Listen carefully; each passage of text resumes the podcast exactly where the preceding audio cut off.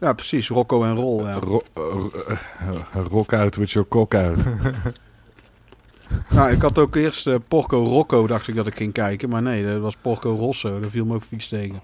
Eh, Mm. stomme tekenfilm, hè? Bah, Je had wel anders verwacht. precies. Zit ik helemaal klaar. Helemaal klaar zitten gewoon. Voor niks. Voor niks. Onderbroek op de enkeltjes. Precies. Enorm Handen ingevet. Pot lotion erbij. eh, twee, drie pakken tissues. Op thee. Nee. Studio Ghibli kan mij niet bekoren. Daar kwam ik wel snel achter. Maar eh, goed. Laten we eens, eh, Ja. laten we eens echt eh, aan gaan vangen.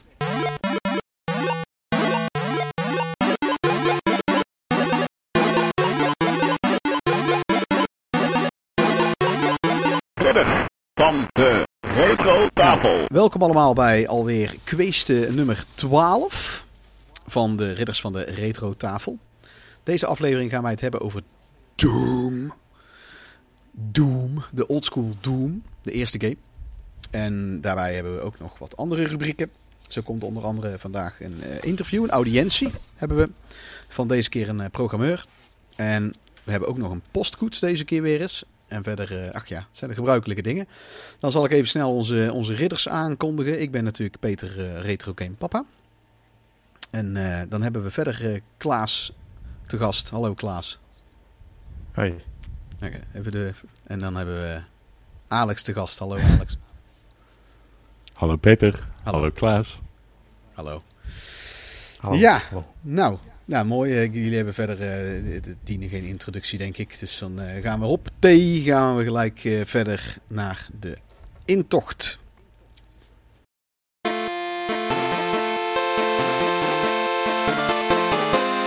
De intocht. Nou, hartstikke flat.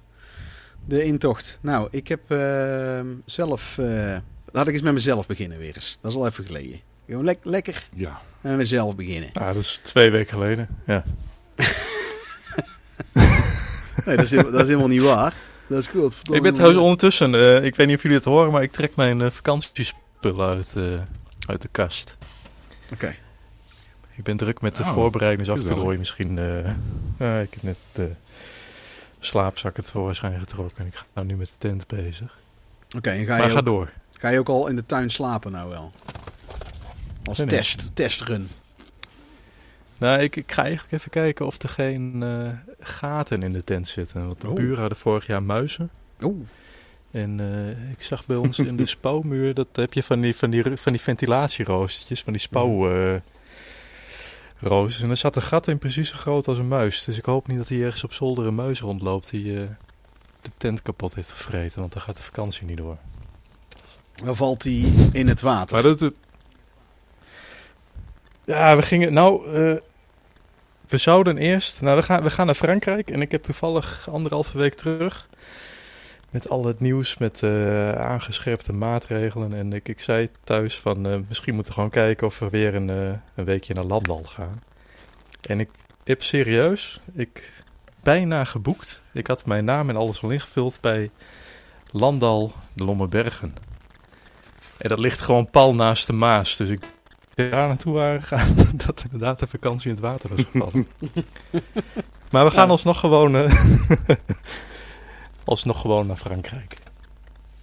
Oké. La France. Vive la France. Een mobiel toilet. Nou, ik, heb, eh, ik heb in ieder geval zelf eh, heb ik, niet, niet veel tijd gehad voor alles. Ik heb, omdat wij over de eerstvolgende aflevering, eh de die gaat over gameverfilmingen. Dus daar ben ik aan begonnen met wat eh, films van games te gaan kijken. Waaronder eh, ben ik wat obscuurdere gaan kijken. En ehm, ja, dat zal ik nou, wil ik nog niet allemaal gelijk vrijgeven. En verder heb ik eh, wel wat games gespeeld, maar ook echt heel weinig. Guilty Gear Strive moest ik reviewen. Alsjeblieft, mute jezelf gewoon even als je zo door blijft gaan, Klaas.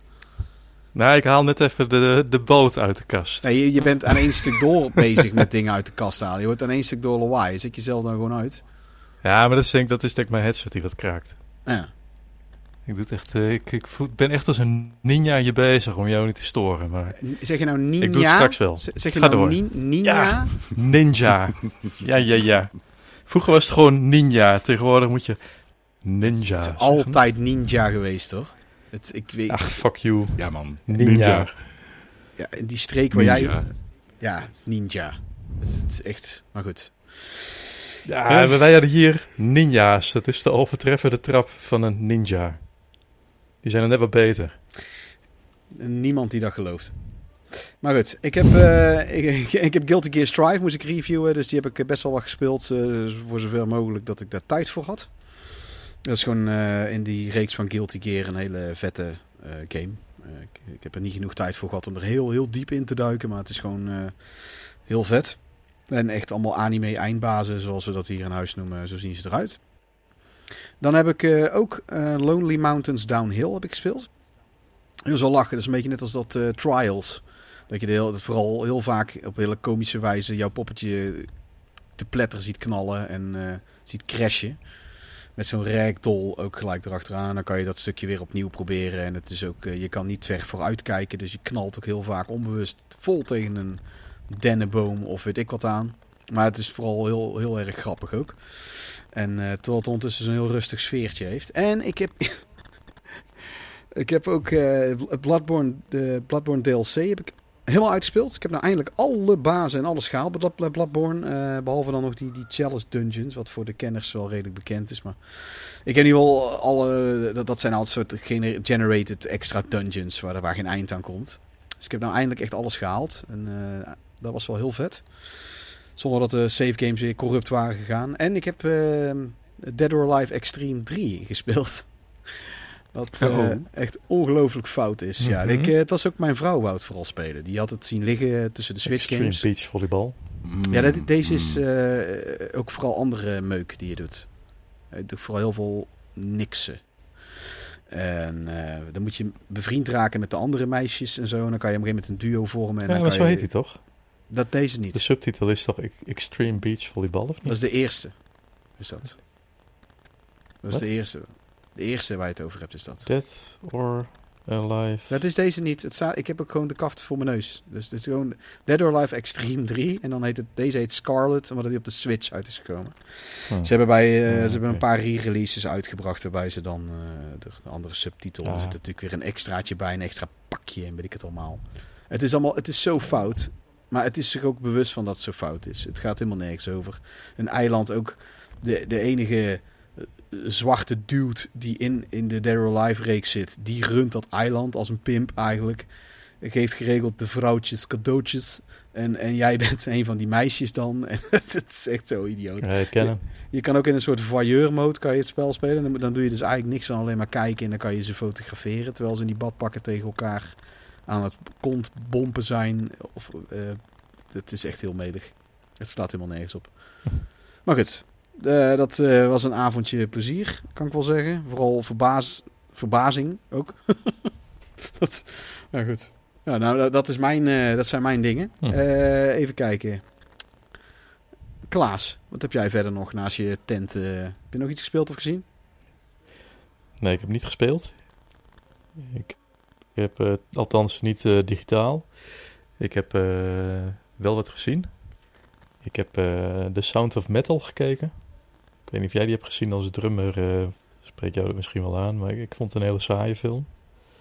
Nou, ik heb hem nog niet gezien. Heb je hem gezien? Nee, nog niet. Ik heb dat. ehm, ik heb zelf momenteel ook een beetje last van tinnitus. En Huh? ik had niet zo heel veel Lekker. zin om. Ik had niet zo heel veel zin om die film te kijken. Want ik, ik denk dat die best wel goed is, juist. Ehm, en het, het ja, lijkt me hou niet je, echt. hou je een beetje van, drama. hou je, hou je een beetje van filmhuis? eh Ja, op zijn tijd wel. art, arthouse. Ik moet Ja, daarvoor. ik- Ik, ik, ik, ben best wel vaak ook hier eh, in Breda naar Chassé Theater en dat soort films gaan. Maar ik moet daarvoor in de mood zijn, zeg maar. Ik, heb, ik, weet, ik denk dat ik al Ja, nee, vrij ik goed weet wat voor film dat het is. En daar moet ik echt wel zin in hebben. En daar heb ik. nee, momenteel niet. Dus dat, Nee, eh, precies. Nee, ik moet er ook voor in de mood zijn, maar ik ben daar niet. eh, ik ben daar zelden voor in de mood. En nu ook niet echt. Dus ik, eh, ik vond hem eigenlijk heel saai. Ik heb hem wel afgekeken, want ik, ik had zoiets van, nou ja, goed. Ik ben eraan begonnen, kijk hem ook af. Ehm, en daarnaast heb ik de Fear Street serie gekeken, 1, 2 en 3. Oh, daar had ik eh, dat een leerling het tegen mij ook over. Dat, dat die best wel tof waren. Maar hoe vond jij het? Ja. Ehm, heel veel clichés. Eh, het is een beetje een, een, een, een Goosebumps, alleen dan wat meer gore, wat meer bloed. Volgens mij is hij ook R-rated. Alleen ik, ik vond hem dan eigenlijk ook weer eh, te soft om, eh, ja, om extreem te zijn. Het, het probeerde heel over de top te zijn, maar dat was het dan net weer niet. Ja. Eh, het, het tofst vond ik het derde deel. En omdat ze op een gegeven moment dan de Super Soaker 50 eh, tevoorschijn halen. Oké. En heb je Maar verder nog iets? vroeger niet. Eh, ik, ik niet. maar eh, ik kreeg die dingen nooit. Klopt. Welke, welke had jij? De, de, de, de 50, die geel, eh, geel-groene. Ja, Echt de, de Ja, Super Soaker onder de Super Soakers. Ja, ja ik ook. Iedereen volgens mij. king. Ja, precies. de Doom van de Super Soakers. Ja. Precies. ja, de bruggetje komt net iets te vroeg. Ja. Jammer. Ja, ik heb nooit Maar dat een, kan Peter wel editen. ik heb nooit een eh, een Super ja. Soaker. eh, ik mocht er nooit een hebben. Dus Oh. het, eh, nee. Nou ja, het is niet dat ik dat heel erg vond, maar ik vond het wel jammer. maar eh, heb, jij, snap heb, je verder helemaal eh, niks kunnen gamen ook? Helemaal niks gegamed? Nee. Oké. Dat is Ja, eh, weinig. Geen eh, tijd voor gehad. Alex, wat heb jij Het is natuurlijk heel slecht dat ik allemaal films kijk, maar geen tijd heb om te gamen. ja, maar, eh, ja, Ehm, goed. Ik heb er ook niet altijd zin in. Dan denk ik, ja, ik kan gaan gamen nu. Maar dan denk ik van ja, dat, als Ja, ik ga ik- gamen ben ik er vaak heel lang, eh, heel veel tijd aan kwijt. Dan denk ik, daar heb ik ook Ja. geen zin in. Ik wil gewoon even op de bank hangen, even helemaal niks. En dan zet ik een film aan. Ik, ik vind het allemaal prima. Alex, wat heb jij verder nog eh, gedaan of gegamed eventueel? Ik heb hetzelfde, Klaas. Dus het, eh, Gelukkig, gelukkig. Ja. Nou, ik heb eigenlijk niet zo heel veel gegamed of gezien. Want ik ben eh, afgelopen week zo ziek als een hond geweest. Dus eh, ik, ik had überhaupt niet veel zin om iets te kijken of eh, iets te spelen. Maar, maar wat ik heb gespeeld, ehm, ik heb eh, een, korte sessie gedaan van Bloodroots. Een nieuwe game die onlangs op Game Pass is verschenen. Een soort van ehm, eh, Hotline Miami-achtige gameplay. Waarbij je dus een level doorgaat, alle enemies killt en doorgaat naar een volgende level. Alleen ehm, het heeft wel een totaal andere artstyle dan een Hotline Miami. Het is, lijkt allemaal handgetekend en het ziet er heel erg tof uit. En ehm, ik ga er zeker meer van spelen. ik heb die, eh, die En gisteren of eergisteren geïnstalleerd en toen wou ik hem gaan spelen, maar ik precies dacht aan Hotline Miami. En eh, ik heb er, ben er alleen niet aan toegekomen. dus eh, dat klinkt je wordt ook ontzettend aangemoedigd om, om combo's te maken en om van wapens te switchen en eh, alles op de precies de juiste timing te doen. En eh, ja, dus, dus is hartstikke leuk gedaan. Eh, het, het, de controls voelen ook gewoon goed aan voor, voor zo'n game. Dat moet ook wel. Oké. Ja, het, het ziet er heel vet uit, vond ik ook. Ja. Dus het, Ja. Verder nog Dus iets anders? Heel die, heel die intro zag er toch uit. Ik heb wat campaign gespeeld van, eh, van Halo 1 op eh, Legendary Difficulty. En eh, dat is toch nog een stukje moeilijker dan ik, dan ik me kon herinneren. Echt, onze asses werden heel vaak gekikt, maar we hadden ondertussen wel heel veel lol. Maar dan ben je wel ja, een, een klein uur bezig met, met één level. Ja, dat kan ik me ook herinneren. Dat, ik, ik kan me juist nog herinneren dat het behoorlijk, eh, behoorlijk moeilijk was, ja. Ja, dat was pittig. Dat was pittig, maar leuk. Ja, het, het- die, En, die ehm, AI is gewoon, ja, omdat die AI zo goed is en die, die, eh, die physics en zo en, en alles. Dat, dat, Ja, ja je, kun- je kunt heel hard genaaid worden door de physics. Bijvoorbeeld granaten die ontploffen door een ontploffing van een andere granaat die weer jouw kant op vliegen. En eh, ja, je kunt nog wel genaaid worden door de physics. Maar ondertussen blijft het gewoon leuk. Ja, maar die random dingen, dat is juist vaak heel grappig ook. Met die, vooral met Ja, die granaten en dat, hoe die, wat er dan met die beesten ook af en toe gebeurt. Dat ze alles zichzelf opblazen. En, eh. ja, het blijft een, een unieke game. ook- Mensen die die games niet hebben gespeeld, beseffen dat vaak ook niet.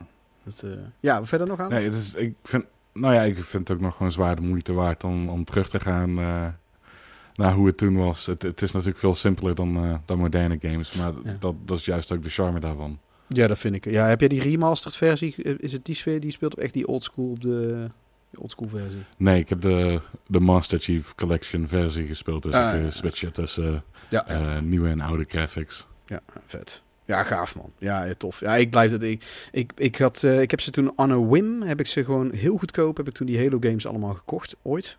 In een vakantie. Toen had ik nog twee of drie weken eh, in mijn eentje thuis. Nadat ik een hele drukke vakantie had gehad met een hele grote groep vrienden. En toen had ik die Halo games binnen. En toen... Ik, dat was echt een, een van mijn beste vakantieweken ooit. Gewoon die Halo games spelen. En even rust hebben in mijn eentje. En ik, ik wist ook niet dat ze zo goed waren. Dus dat was echt ook nog zo'n zo'n onverwachte positieve verrassing, weet je wel. Nou, super gaaf. Komende twee weken weet ik al, hoop ik dat jullie ook vooral veel, eh, of in ieder geval degene die mee kunnen doen aan de podcast over twee weken, dat er veel gameverfilmingen worden gekeken. Ehm, wat er trouwens ook meer Ja. zijn dan dat, het zijn er meer dan ik dacht. Ik, niet dat ik ze allemaal per se wil kijken, maar ik, ik, had zo'n lijstje gevonden, jemig. Dat, eh, maar goed, Eh, la, nou goed, ik denk dat we het zo wel hebben. Hè? Ik heb, ehm, Nee, nee Oh, helemaal sorry. niet. sorry Alex. Helemaal niet. Ik heb, ook- ik heb ook niet iets gekeken, hè. Oh, wat dan? Black Widow. En? Ik heb geen flauw. Ehm, ik kan maar. ja. ik- Ja, eh, het voelde voor mij een beetje alsof die, eh, die film die kwam echt een paar jaar te laat. Eh, ik, ik heb me er niet aan geërgerd, maar ik heb ook niet intens eh, zitten genieten. Ik heb één keer wel moeten lachen om een eh, opmerking die... eh, ehm, ik, ik weet de naam van de karakter niet eens, maar de actrice is Florence Pugh. En die, Oh ja. die maakte op een gegeven moment de opmerking, daar moest ik, moest ik één keer om lachen. En voor de rest, ja, vrij, vrij basic film. Niet goed, niet slecht. Als je een keertje verveelt. Lekker kijken. Oké. Eh, en eh, David Harbour is natuurlijk ook eh, altijd leuk om te zien. Ja, die is altijd vet, ja. Nou, ik heb wat ik al vor- vorige keer zei, maar dat je Loki en zo, en, en ik ook de, de, de Falcon en de Winter Soldier. Ja. Dat, ik wacht eigenlijk totdat ik echt weer in een Marvel buzz terechtkom. Maar toch, dat gaat toch binnen nu in een één of twee jaar wel komen. En dan, dan kijk ik wel een hoop van die, ehm, van die meuk. Dan kijk ik ze wel, denk ik. Ja, ik heb, nou, nou heb Loki de- is... Ja? Loki is ondertussen ook afgelopen. Heb ik ook de laatste aflevering van gezien. Eh, ik, ik vond er heel interessante ideeën in zitten. En eh, ik ben benieuwd naar seizoen 2. Want eh, dat gaat er komen. Oké, vet. Ja, eh, het was wel vet dus. Ja, ik Oké, vond het de moeite waard. Van, van die drie series vond ik het denk ik wel de, de, de meest interessante. Oké. Nou, dat is mooi om te horen. Ik, ja, het, het, het spreekt mij ook het meeste aan. Dus het correleert met hoe ik me erbij voel. Nou, ik denk dat we het dan wel hebben. Eh, Ja. ik, ik kan ook nog wel over een paar andere dingen beginnen. Maar eh, ik, heb, eh, ik heb ook verder niet heel veel relevants eh, te melden. Dus we gaan door naar de audiëntie. De audiëntie. Maar ik heb... eh, Maar hij wil, de tent uit de kast. Hij wil Breda het Silicon Valley maken van, eh, van, van Nederland. eh, wat- game development betreft. Qua game developing, ja. Ik, meer Hollywood, dacht ik aan. Klaas gaat even Oh. de tent opzetten, zo te horen. Ja, dat is een tentstok, hè? Of is dat je rollator? met- ja, ja, ja. Ik zet hem wel even op mute. hey, Matthijs. Mijn been slaapt. Hallo, goedenavond. Hey. Fuck. Ja, het, is, het, het begint meteen met eh, heel hoog niveau hier, Matthijs. Met Ja, Goedenavond. met eentje die is zijn tent aan het opzetten, de andere die, die voelt zijn teen niet meer. Nee, met heel mijn fucking been. What the fuck? Oké, ik, ik kan, ik kan jullie wel even muten nou allebei. nou goed, eh, eh, Ik eh, mute mezelf wel. Ja, ik ook. ja, jullie Ik, als ik jullie... haak eventueel in als ik vragen heb. Oh, dat is prima. Ja, dat is prima. Nou, eh, hallo Matthijs. Oh, ik voel, me, ik, ik voel mijn been weer. Hallo. Sorry. Oké. ja, eh, je was dus... Mooi stipt, hè? Mooi stipt op tijd. Mooi, ik zie een, eh, een beetje noise van mijn eh, microfoon. Of valt het mee? Ik weet niet of jullie iets... eh, Ik hoor je vrij goed. Dus een klein beetje zachtjes, maar daar kan ik wel opkrikken als Ah, ik eraan ja. eh, aan ga sleutelen, zeg maar. Ik kan het hier ook even checken. Wacht, één. Oké. Ja, en ik, ik, ik hoor ook niet echt een ruis of weet ik wat of zo, dus het klinkt gewoon goed. Nee, dan is het helemaal goed. Top. Ja, nou in ieder geval leuk dat je erbij bent. En je bent de eerste eh, eigenlijk game, game developer die we interviewen. Leek me ook wel terecht, want ik had jou in eerste instantie benaderd om, ehm, om te vragen of eh, jij meer mensen ook wist. En jij hebt... ehm, Ja, precies. Ja, en ik wou ook aan jou sowieso eventjes... ehm, ja, want jij bent Matthijs van der Laar en jij, eh, jouw bedrijf is Twirlbound. En kan je, daar wat, kan je daar wat over vertellen? Zeker. Trollbound is een, eh, een, ja, een entertainment game bedrijf. We hebben dat eh, opgericht in 2013. Dus we zijn inmiddels alweer bijna acht jaar eh, aan, aan de gang. Wij maken echt ja, games voor de entertainmentmarkt. Dus niet zozeer applied games of serious games zoals het ooit genoemd wordt. Waar Nederland best wel goed in is. Maar ja, echt voor de grote consumentenmarkt. En het genre waar wij het meest op focussen of op willen focussen is action adventure open world. Dus redelijk ambitieus en redelijk grote games. Maar wel met een klein team. Ja, want jullie hebben eh, één game tot nu toe gemaakt, dat is Pine, toch? Klopt, ja. Dat is eigenlijk onze grote, ja, ons eerste grote project. We hebben wel wat, wat kleinere games gemaakt daarvoor. Eh, maar die zijn al niet meer verkrijgbaar. Dat, eh, dat was op iOS en dat was eigenlijk meer een soort testronde, moet ik zeggen. Oké. Ehm, en Pine was eigenlijk het eerste echt grote ja, project waar we aan begonnen. Ja, dat is ook de eerste die ik van jullie kende. Ehm, Ja, precies. Ja. Ja. De meeste mensen hoor. Ja, dat is, dat is dan begrijpelijk natuurlijk op die manier. En eh, ja, ik ben hem zelf trouwens aan het spelen. eh, voor zover ik Cool. tijd heb gehad. Ja, ik moest tussendoor weer een andere reviewen. Ehm, die Mhm. nieuwe Guilty Gear Strive had ik nou bi- binnengekregen. En eh, wat ik ervan gespeeld heb, vond ik trouwens ook echt eh, heel leuk. En, Cool, ehm, cool. Goed om te horen. Ja, en dan we gaan straks gaan we het hebben over wat jij verder eh, met Trailbound nog gaat doen. Dat komt op het einde. En Mhm. kan je ook wat over, want jij bent natuurlijk een beetje een speciaal geval, omdat jij ook Breda Game City Hm. bent gestart. En kan jij vertellen voor de luisteraar wat dat is? Ja, zeker. Ja, samen met eh, enkele mensen uit Breda zijn we begonnen met Breda Game City als stichting. Eigenlijk alle Bredaanse gamebedrijven en de hele game eh, scene in Breda eh, een stukje bovenop te helpen. Eh, die is redelijk klein op dit moment, terwijl we wel een van de beste opleidingen in, eh, in Nederland hebben. En eh, ook een van de beste opleidingen in de wereld als het aankomt op game development.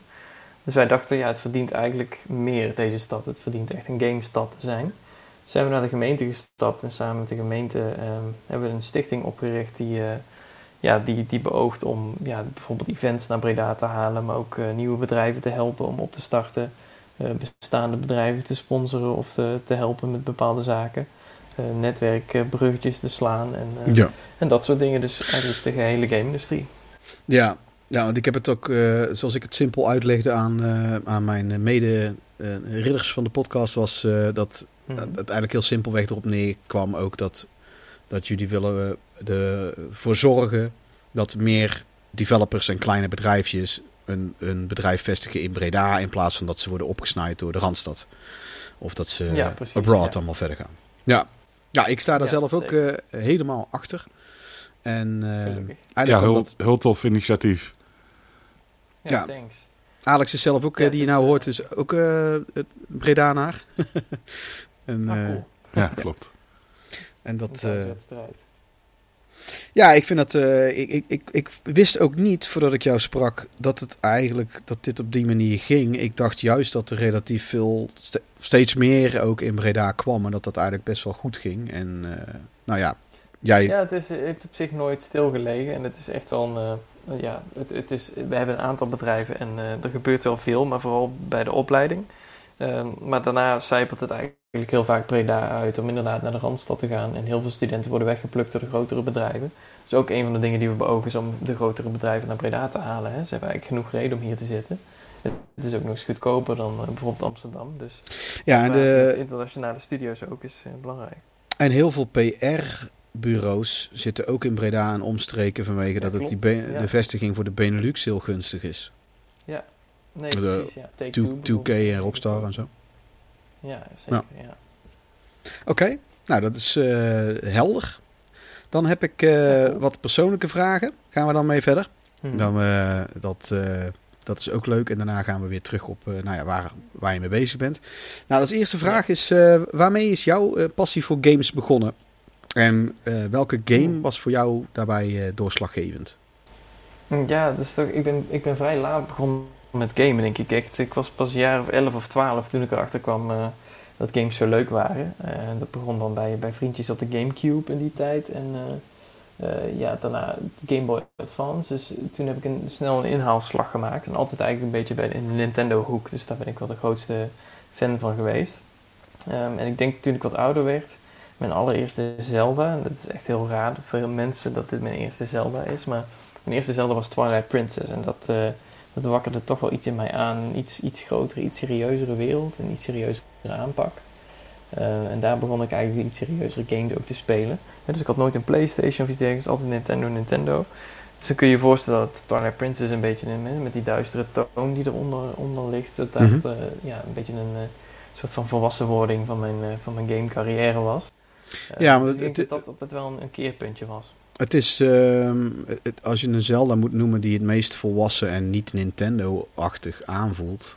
ehm, hoewel die dat nog steeds doet, Ja. vind ik Twilight Princess daar wel.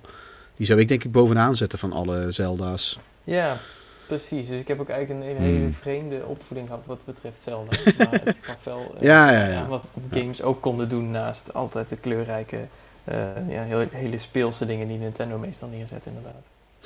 Ja, ja ik heb. ehm, ja, god. Toen ik die zelf voor het eerst speelde, was. ehm, ik kocht die samen met de Wii toen die uitkwam. En ik was toen Oh, ja. al 19 of 20 of zo. Dus ik had toen. eh, voor mij was Link's, Link's Awakening was voor mij de eerste. En dat was voor mij ook wel Ja, eh, Peters Awakening.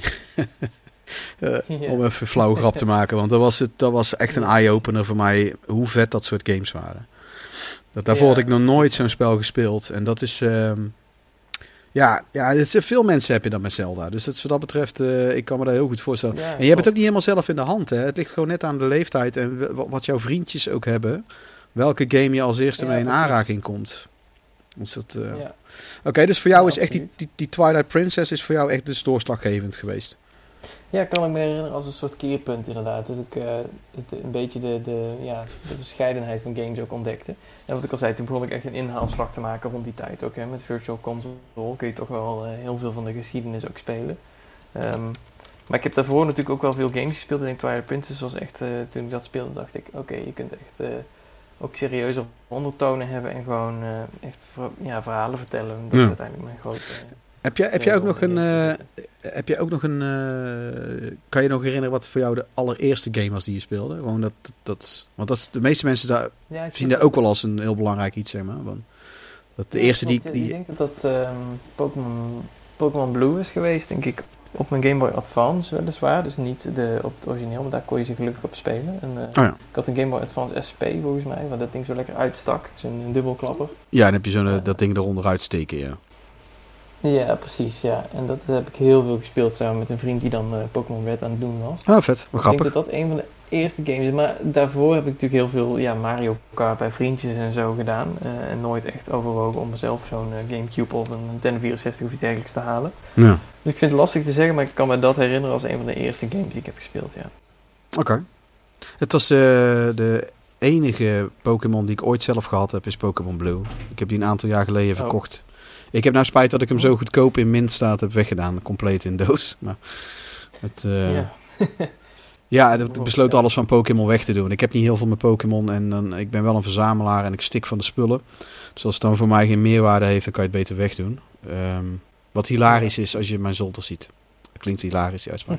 Eh, ja, tof. Ehm, even kijken. En welke... Misschien dat ik nou dat, dat de vraag al een beetje beantwoord is. Maar welke genre games zijn jouw persoonlijke favorieten en, en waarom? Nou, ik vermoed dat daar Zelda bij zit, maar... Ja, Dat, eh, klopt. Nee, het is voor, voor mij is action adventure is echt het allerleukste. En het adventure gedeelte vind ik de, ja, de verhaalstructuur altijd heel leuk. Hè? Dingen oplossen en quests doen en een beetje puzzelen en dat soort dingen. Ik, eh, ja, speelse verhalen met veel karakters enzovoort. Ja, dat gevoel van- Vind ik, ja, ik Ja, dat gevoel van avontuur gaat het jou echt om, denk ik dan ook. Ja, precies. Ja, ja. En dat dan het liefst in een actiesetting. Ik vind point-and-click bijvoorbeeld niet zo heel erg interessant. Ehm, die echte klassieke oude adventure games. Ik vind het echt leuk, het actiegedeelte. Dat je ja, third-person camera en eh, camera-controlled character, zoals we het noemen in game development. Mhm. Ja. En eh, triple C, eh, waar je gewoon eigenlijk het karakter de hele tijd bestuurt. Dat vind ik het leukste, ja. En heb je, heb je dan bijvoorbeeld ook, want je hebt ook van die action RPG's bijvoorbeeld. Die gaan dan vaak iets verder qua verhaal, Mhm. maar die hebben wel actie gameplay. En hou je daar ook ja, van? vind ik op zich ook wel. Ja, vind ik op zich ook wel leuk. Ik, ehm, ik moet zeggen, ik, ik hou eigenlijk wel van alle RPG-achtige games. Alleen ben ik niet zo van de, van de cijfertjes en de nummers. Dus als het echt een hardcore RPG wordt, waar je allerlei dingen moet balancen en uitbreiden en 100 skill trees en zo, dan haak ik ook een beetje af. Dus ik zit Ja. er altijd een beetje tussenin, moet ik zeggen. Ja, als het een studie wordt om dat uit te pluizen en zo. eh. En, eh, en Ja, van die. Precies, ja. ja, ja, ja. En dus heb je ook juist specifieke genres die jij echt eh, helemaal niet mag? Of waar je ook nooit zelf iets in zou willen doen? Mm, ja, ik vind ehm, eh, realistische racing sims vind ik altijd heel erg saai. Dat vind ik echt heel erg saai. Ik kan me niet voorstellen wat daar de lol van is.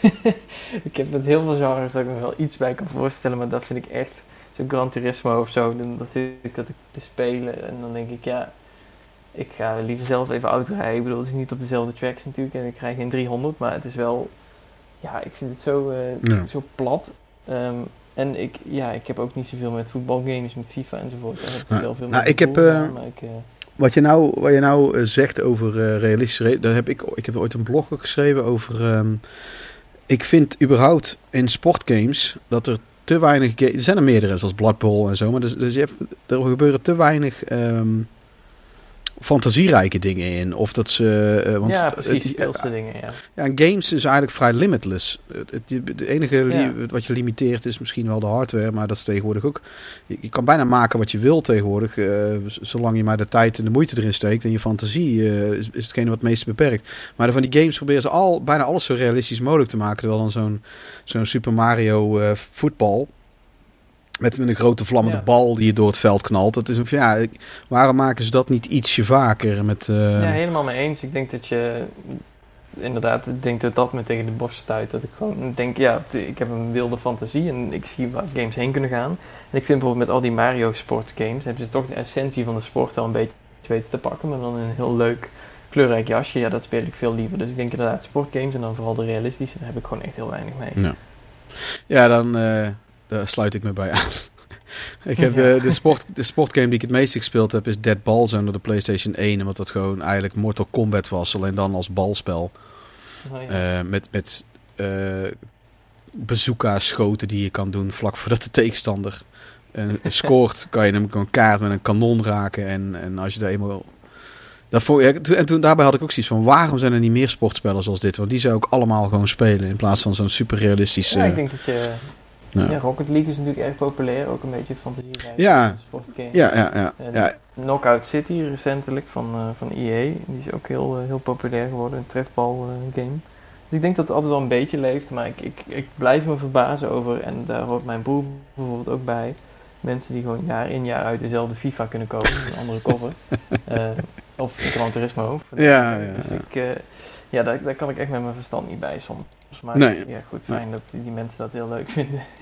Ja, wat dat betreft is het gewoon een medium en wat wils natuurlijk. Ja. Even kijken. Ehm, ik heb verder... Nou ja, waar, waar ben je momenteel met Trailbound mee bezig zelf? Waar ben ik mee bezig? Nou, wij zijn, eh, we hebben Pine eigenlijk wel helemaal afgerond nu. Het is op heel veel platformen uitgekomen. Eh, eigenlijk alles behalve Xbox op dit moment. Ehm, dus we hebben eigenlijk een paar maanden geleden al eh, ja, de keuze gemaakt om eh, met z'n allen door te gaan naar een nieuw project. En dat is ook weer een eh, ja, kleurrijke open world game. Eh, een stukje speelser, iets meer actie. Het is niet in het, in het Pine-universum, dus het is, het is geen sequel. Ehm, het is iets helemaal nieuws en iets fris. En daar waren we ook wel aan toe, moet ik zeggen. En ja, daar hebben we elke dag plezier mee. We zijn nu de wereld aan het uitdiepen en ja, invulling aan het geven met puzzels en met plekken en karakters. En dat soort dingen is eigenlijk het leukste wat er is. Ja, dat kan ik me heel goed voorstellen. Dus het is ook weer third person en een beetje in dezelfde Ja. stijl als Pine.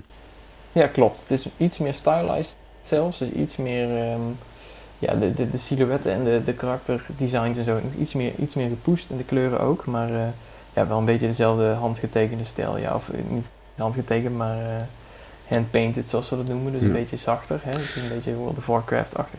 En heb je enig idee wanneer er een, ehm, de, de titel kan revealen of iets kan laten zien erover? Enig eh, idee wanneer dat zou Nou, dat is kunnen? lastig te zeggen, want we zijn nu, we zijn nu in het proces om een, eh, een uitgever te vinden. Ehm, dus daarbij wil je zorgen dat je geen kansen verspeelt. Hè. Met Nee. Pine hebben we heel snel van de daken geschreeuwd wat er ging gebeuren. Ehm, maar nu willen we bijvoorbeeld, ja, mochten we met, eh, met PlayStation een mooie deal kunnen sluiten, dan willen we natuurlijk niet schreeuwen dat het naar Windows komt. Dus we zijn even voorzichtig met hoe we het allemaal aankondigen. Zodat we al die kansen zouden kunnen benutten later. Ja. En, ehm, ja, het is lastig te zeggen, maar we hopen zo'n beetje richting het einde van het jaar toch wel iets te kunnen laten zien. Want ik, eh, mijn handen jeuken om het eh, te tweeten de hele dag eigenlijk eh, waar we Ja. mee bezig zijn. Ja, dat kan ik me heel goed voorstellen. Ja, ja, ja. Die, en heb je ook enig idee, hoe, want dat is, lijkt me heel moeilijk om te plannen, maar je bent een klein team. Dus dat kan juist het een of het ander Mhm. zijn wanneer je het wa- waarschijnlijk af hebt. Want dan moet je, je hebt toch wel bepaalde mikpunten, lijkt mij. Of Oh, streef, zeker, ja, ja. streefdoelen, laat ik het zo noemen. Ja, ons streefdoel is ongeveer september 2023. Dus dat eh, is nog wel eventjes. Dus Ja. twee jaar en een beetje. Ehm, dus we willen eigenlijk twee jaar volledige productie draaien als we eenmaal een, een uitgever of een investeerder hebben. Ja. Dus die hopen in de komende maanden ergens te vinden. Dan, Ja, dus je ga- in- die tussentijd gaan jullie dan niet echt iets anders doen behalve puur focussen op deze game. Ja, klopt. Tenminste als alles goed gaat. Ik bedoel, eh, ja, we vragen voor een budget en eh, mocht er iets misgaan of zo, mocht je uitstel nodig hebben, dan, eh, ja, dan moet je natuurlijk kijken of je een andere opdrachtwerk of iets dergelijks gaat doen. Ja. Het, doel is om inderdaad eh, te focussen, ja. Oké. Nou, ehm, ik ben benieuwd. En eh, ik, ik, Ja. eh, Ik ook. ik, ik hou ons op de hoogte. En dan, hebben dan heb ik verder nog wat persoonlijke vragen die er ook in, op inhaken een beetje. Ehm, van, heb jij ook eigen favoriete studio's of game developer iconen, zeg maar? Die jij ziet van, nou, dat, dat is wel echt een Oeh, voorbeeld. Ik heb een aantal verschillende voorbeelden. Op, op kleine schaal vind ik Supergiant Games echt geweldig. Die hebben Bastion gemaakt en Hades recentelijk. Ja, ik ken, ik ken dat team. Ik ben daar ook echt fan van, Ja. van dat team. Die ene gast dat is bij GameSpot. zijn, eh, ja, precies. Ja. Greg Castavan. Ja. De, de schrijver, de creative director. Eh, en Amir Rao, dat is de studio director. Dat zijn eigenlijk van die mensen die gewoon eh, al jaren gewoon fantastische games maken. En het ook nog op een gezonde manier doen. Hè. Daar kijk ik dan graag naar als, eh, als iemand met een eigen studio. ja. Ze zijn met 17, dus ze zijn niet gigantisch. Ook al hebben ze natuurlijk het geld om met 100 te zijn. Ze kiezen ervoor om wat kleiner te blijven en het gewoon allemaal heel mooi gezond op te lossen. Ja, dat vind ik echt fantastisch. ja. Ja, en op hele grote schaal eh, zit ik altijd, eh, kijk met uh, jaloerse ogen naar Santa Monica, naar Santa Monica Studio zelf, Ja. de Sony Studio van God of War. En Naughty Dog, die zitten daar natuurlijk ook. Want die uit een, uit een Playstation weten te persen, ja, dat Dat is vind ik ongelooflijk. echt magie. Dus dat, ja. Ja. Dus daar zit het, eh, ja, voor mij het grote geweld, maar eh, ja, Ja. kleine schaal. Ja, die, die, eh, daar zitten mensen die dat al destijds met, met de PlayStation 1 al eh, wisten te toveren. Ehm, Ja, als je precies, dan ja. die, die, die making Ja, of... ehm, ja, Naughty Dog heeft intern zelfs eh, ehm, het team dat de, de, de graphics eh, techniek van de PlayStation maakt. Dus zij zitten echt letterlijk bovenop ja, de kern van de PlayStation. Dus daarom weten ze dat eruit te toveren. ja, Het is inderdaad een team dat al jaren aan alle PlayStations werkt. Dus ja, dat vind ik mooi dat ze dat kunnen gebruiken en inzetten om echt bizarre ervaringen Ja. tevoorschijn te toveren. Ja. ja, ja, mee eens. Ja, God of War is ook echt ehm, een, een ervaring apart. Het, ehm, ja, zeker. Ik was het daar eerst niet mee eens dat die de beste Game of the Year, toen Game of the Year toen ergens bij won. En toen, Oh, ja. Maar dat kwam omdat ik hem zelf nog niet gespeeld had. Ehm, Oh ja. Daarna En, ik het wel, ja. En ik zou hem persoonlijk niet hebben gekozen, maar ik snap wel echt helemaal waarom. Eh, nou, Oké. En eh, heb jij Ja. dan zelf ook, st- stel je zou eh, aan een bepaalde, van dat soort studio's, een bepaalde game willen meeontwikkelen of meewerken, waar zou je dan het, het kijk, een idee, kijk, je zou mogen kiezen wat je wil, stel in een soort utopische. eh, Ja. Oeh, ja, dat vind ik lastig. Dan zou ik toch echt aan, eh, aan Bre- aan Breath of the Wild 2 willen meewerken. ja, dat gokte ik. Dat dacht ik al dat dat zou Ja. zeggen. ja, die is niet zo moeilijk voor mij. Nee. Ja, gewoon, ik, ik, ja, ik ben altijd gefascineerd geweest door Nintendo en ik ben benieuwd hoe het er daar in de keuken uitziet, zeg maar.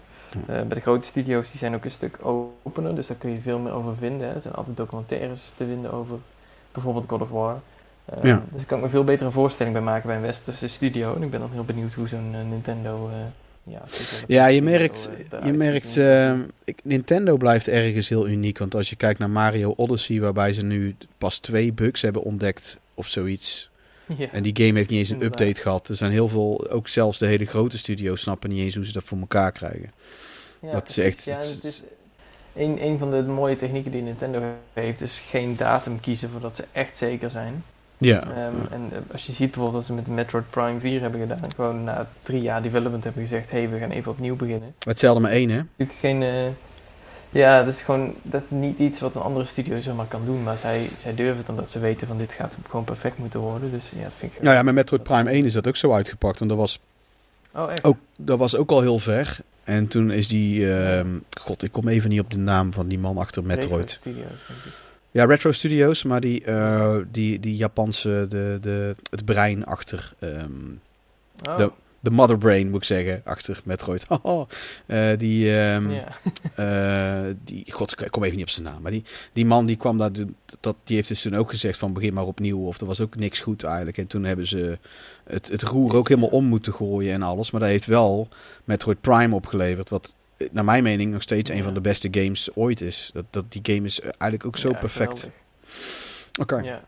Nou eh, ja, dus ik, ja, dat vind ik een hele goede, moet ik zeggen. En, en ik heb ehm, verder, als je nou ook de games zou mogen waken die je helemaal zelf wil, met carte blanche qua budget en eh, aantal mensen, zou je dan precies de games maken die je nou ook doet? Of zou je dan een andere richting op gaan? Ja, eigenlijk wel. Ehm, toen we het Worldbound opzetten, wilde ik eigenlijk al vanaf het begin zo'n game maken zoals Pine. Hè? Dus action adventure, third person. Open world kwam eigenlijk later Ja, op. Ja. Ehm, sterker nog, een van de pitches van Pine in de early days was laten we een open world Zelda game maken. Nou, toen deed Nintendo het en iets beter. Dus dat was even jammer. maar, dat is wel altijd de insteek bij dat, Ja, ja, bij dat project. En ehm, ja, het, het leuke eraan, wat ik net ook al zei, is gewoon dat je een, een hele wereld kunt maken. Dat je zoveel detail erin kunt verwerken. Zoveel kleine verhalen, zoveel grote verhalen. Mhm. Ja. ehm, als je een manier vindt om het te doen, vooral met een klein team, dan is dat denk ik het mooiste wat er is. Dus ja, daarom eh, vinden we het echt super om daar- daarop door te kunnen gaan. Dat Pine succesvol Ja. geweest is. Dus Nou, dat, is ook, ik, dat eh, vind ik ook echt heel gaaf. Ben ik met je eens. Eh, heb jij zelf ook een verzameling games? Omdat het toch ook veel, veel luisteraars zijn, ook zelf wel retro gamers en wat daar de, de insteek van is. Ja, ik heb niet zo'n niet zo'n retro verzameling. Retro heb ik altijd via de virtual consoles gedaan en zo. Nu ook met eh, Nintendo Online bijvoorbeeld. Ehm, en wat ik al zei, ik had nooit een, PlayStation 1 of iets dergelijks. Dus nee, die, of ja, we hebben heel veel games op kantoor liggen. Heel veel oude games. Een PlayStation 1, PlayStation 2, eh, Game Boy, echt, echt van alles. Ja, maar dat, dat viel me Eh, toen gelijk op. Toen ik, eh, toen ik jou meet en jullie precies, langskwam. ja. Was dat, Ja, ja ik speel zelf liever ja, toch iets nieuwere, moderne dingen. Eigenlijk, ik hou juist heel erg bij wat er allemaal eh, nieuw komt. En daar speel ik zoveel mogelijk van. Dus dat is... eh, ik heb niet echt zo'n verzameling dat je hier binnenkomt in mijn huis en denkt... Wow, die, die heeft echt alle games. Nee, absoluut niet. Ik, eh, ik refresh het redelijk snel, denk ik. Oké. Heb je ook bijvoorbeeld die Twilight Princess niet bewaard? Of heb je die zelf... eh, Nee, die heb ik wel inderdaad. Maar die, die ligt dan weer bijvoorbeeld op kantoor. Omdat ik denk, ja, ik ga hier nooit met de Wii aanslingeren. Hè, met mijn Switch eh, ernaast. Ja. Ehm, dus ik, eh, ja, ik heb ze nog wel. Maar ik, ik doe er niet echt iets mee, moet ik nee, zeggen. nee, nee. Nou ja, goed. Ik heb er ook wel een aantal in mijn verzameling. Die wil ik niet kwijt. Maar ehm, ik, Ja, ik kan die makkelijker op mijn virtual console spelen. eh, of een eh, re-release. Ja, precies, ja. Ja, dat Ja. ik, Ja, maar Twilight Princess is een goed voorbeeld meteen. Want die heb ik zelf dus drie keer. Ik heb hem op de Gamecube, op de Wii en ik heb de Wii U versie. Dus dat is gewoon- Oh, ja, weet je wel? En- en- en- ja. de Wii is, is de inferieure van de drie. Dat is, eh, die hebben die helemaal gespiegeld is en zo. Oké. Ja, Ehm. Ja, want je hebt wel veel, ja, best wel wat van die consoles staan. Als een soort, eh, dat- die stonden daar mooi eh, in, in dat kastje. Van die kast. Ja, dat is ook een beetje van, eh, van alle collega's samen eigenlijk. Iedereen Oké. die inderdaad oude consoles of games heeft, die, eh, die zet ze op kantoor neer. En ja, we hebben wel eens ooit een middagje eh, op de PlayStation 1 gezeten of op de oude Xbox. Dat is allemaal heel mooi nos- nostalgisch, maar Ja. ja, het is niet dat ik daar echt eh, dagen voor ga zitten om, om ermee te gamen. Dus het is inderdaad meer een verzameling. eh. Nee. Oké. Nou, dat is ook wel te begrijpen. Nou, ja, mochten jullie de, ik, Ja. ik, ik, heb, eh, ik kan heus een keer langskomen met, met een van deel van mijn collectie, mochten jullie er zin in hebben. Dan eh het oude games spelen. Eh, speel je zelf, eh, want dat haakt mooi in op, eh, dat zei je net eigenlijk al. Ik heb als laatste vraag eigenlijk van, ehm, heb jij, eh, speel je zelf ook nog echt veel games? Want die zet, eigenlijk gaf je er net eigenlijk al antwoord op. Ehm hoewel je het waarschijnlijk net zo druk hebt als ik. Als, Ja. Ja, klopt. Maar ik vind het wel heel belangrijk om, om veel games te spelen. En ik wil ook heel veel verschillende dingen spelen. Ja. Alles geeft me wel een beetje inspiratie. En vooral, wat ik al zei, action adventure is een heel groot genre. Dus alles wat- je speelt kan wel ooit een relevantie hebben. Ehm, Ja. Dus het is, eh, ja, ik speel echt van alles. Dus, eh, van puzzle games tot eh, narrative games tot... Ja. eh, En voelt het, voelt het dan af en toe als werk, maar je het als verplichting doet omdat je werk is, dat je game director bent, zeg maar? Of, altijd wel een beetje. Ik denk, mensen kennen het idee wel van dat een filmregisseur ook niet meer zo graag films kijkt. Dat heb ik ook wel veel. Maar ik kies wel games uit waarvan ik weet dat ik, ben, dat ik die rol vergeet eigenlijk. Dat ik vergeet dat ik een designer ben. Eh, dus als je dan zoiets als God of War aan het spelen bent, dan ben ik echt eh, ja, net zoveel consument als iemand anders. Dus gewoon, eh, vind ik gewoon geweldig en dan, dan kun je daar een beetje in verliezen. Ja. Ehm, maar ja, kijk, ik, ik, ik loop wel altijd, dat vindt mijn vrouw ook heel irritant, ik loop altijd wel tien keer naar de tv om even dichterbij te kijken van hoe iets in elkaar zit of zo. Ja, hoort ja. er toch altijd bij. Ja, maar dat- dan, dan dat het echt als werk voelt. Ja. Ja, goed, maar het is niet zo extreem als... Ik, ik, ik ken bijvoorbeeld ook zo'n zo'n comedian. Die moet nooit lachen om andere comedians, want die gewoon puur zit te kijken naar de, de, de timing en, de, en alles erachter, zeg maar. En- Ja, ja. Wat, wat heel grappig is, eigenlijk juist weer. Dat op zichzelf is weer heel grappig, vind ik. Oké, ehm, en heb Ja, jij nog specifiek, heb je nou bijvoorbeeld ook nog leuke aanraders momenteel? Bijvoorbeeld, ehm, want ik, ik heb het zelf, ik doe het omdat ik natuurlijk een website heb over games. En dan eh, retro games, maar ik pak ook nieuwe. Ik, ik probeer dat, wat jij zegt, ook te doen. Ook juist mezelf Ja. te verrassen door eh, obscure dingen te spelen. En, en zeker met zo'n Game Pass is dat heel... dingen. Heb jij zelf momenteel aanraders bijvoorbeeld? Dat is de allerlaatste vraag, is dat dan? Aanraders voor de... Wat ik nu aan het spelen ben is, is Baba is You. Dat is volgens mij van vorig jaar, als ik me niet vergis. Een puzzle game. Eh, ik weet niet of je die kent. Nee, volgens mij niet. Het is echt extreem slim gedaan. Het is echt, echt fantastisch hoe dat... Het is eigenlijk een, puzzelgame waar alle regels van het level eh, zijn onderdeel van het level. Dus je kunt eh, als poppetje kun je die regels rondschuiven. Ehm, en ja, het is bijna niet uit te leggen, maar het is, het is zo briljant en het is echt een hersenkraker. Het is een van de moeilijkste puzzelgames die ik, eh, die ooit gespeeld heb, maar maakt het niet minder, minder leuk. Ehm, even kijken, The Pathless heb ik recentelijk gespeeld. Dat is van een paar van de makers van Journey, die kennen wel veel mensen. The Pathless Ja. is, een, is een hele snelle open wereld game. Ehm, heel veel over movement enzovoort. En dat is misschien ook omdat het heel relevant is voor onze nieuwe game. Maar eh, even een tipje van de sluier. Dat is ook van de, degene dit is die... dan, eh, Want ik heb die wel voorbij zien komen, de Pathless. Eh, maar dat is third person ook. mhm. Ja, klopt. Je hebt ook Abzu gemaakt, die mensen. Ja, Absu. Ja, dat wou ik net zeggen. Die hebben ook Ja, Absu gemaakt. Abzu Ja. inderdaad.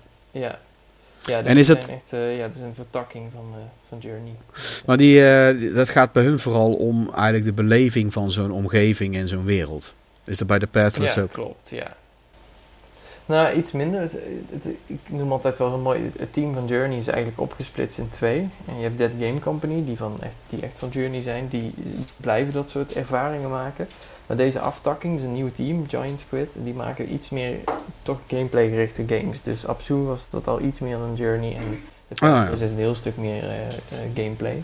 En het is echt, heeft een paar eh, fantastische momenten die, die je niet snel vergeet. Dus, Oké. eh, zeker een aanrader die. Oké. Dat zijn hele goeie.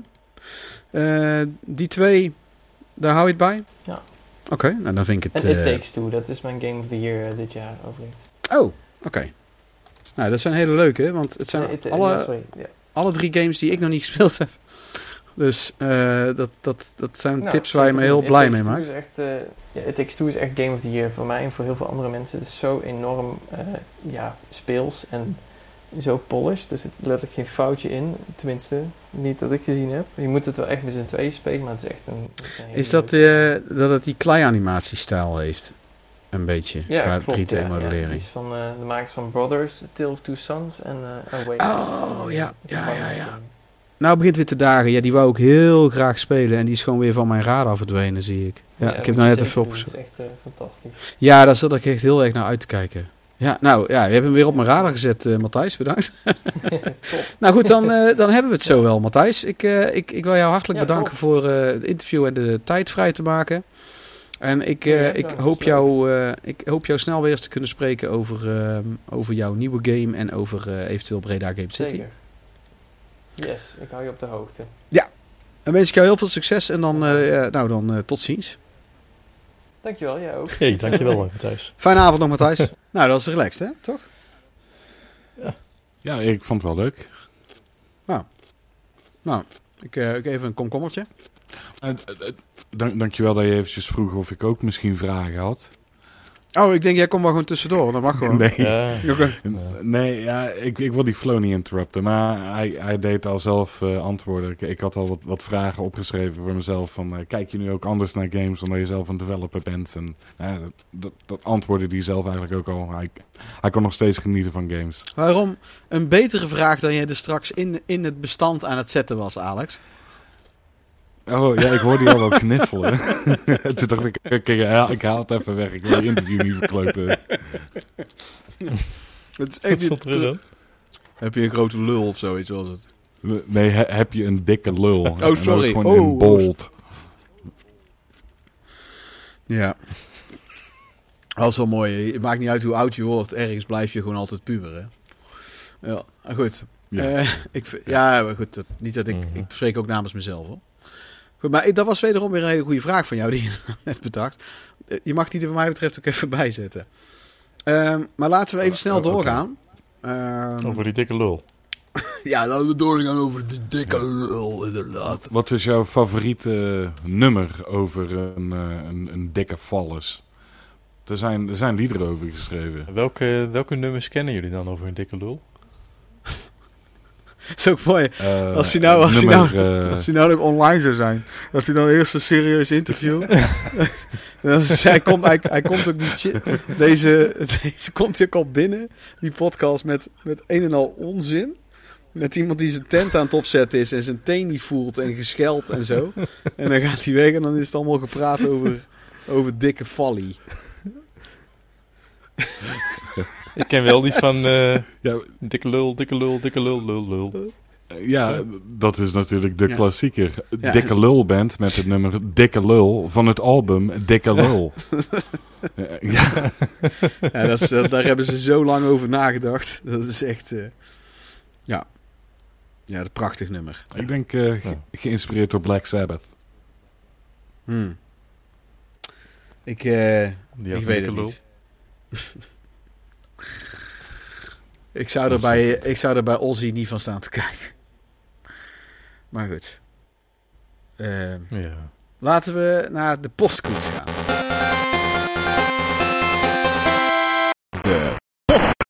Ja, ik kreeg een... eh, ik weet niet of ik een PJ of PJ moet noemen. Ik vermoed dat het zijn initialen zijn. Die stuurde een, eh, een, ja, eigenlijk, eigenlijk een brief. We hebben eigenlijk gewoon een brief daadwerkelijk gekregen. En hij had ook een vraag. Waar. Hij heeft ook een vraag gesteld. Eh, maar dat wordt een vraag, dat wordt een aparte topic misschien. Of dat, die- daar hebben we nou geen tijd meer voor. En hij stuurde een. eh, hij stuurde, hij heeft, hij heeft twee. In twee stukken heeft hij het gestuurd. En ik zal hem eens voorlezen. Eh, het is. ehm, ehm, even kijken. Ja, ik doe het wel gewoon in die twee delen. Yo, dat begint gelijk mooi. Als fellow gamer Mhm. en dad, erg cool om jullie podcast te luisteren. Mist misschien een beetje de vaste lijn, maar dat is wat ik gewend ben. Daar moest ik ook gelijk om lachen toen hij dat stuurde. Ben zelf na het vinden van een PlayStation 3 een paar jaar geleden weer begonnen met gamen. Lange tijd niet veel van de gamewereld meegekregen.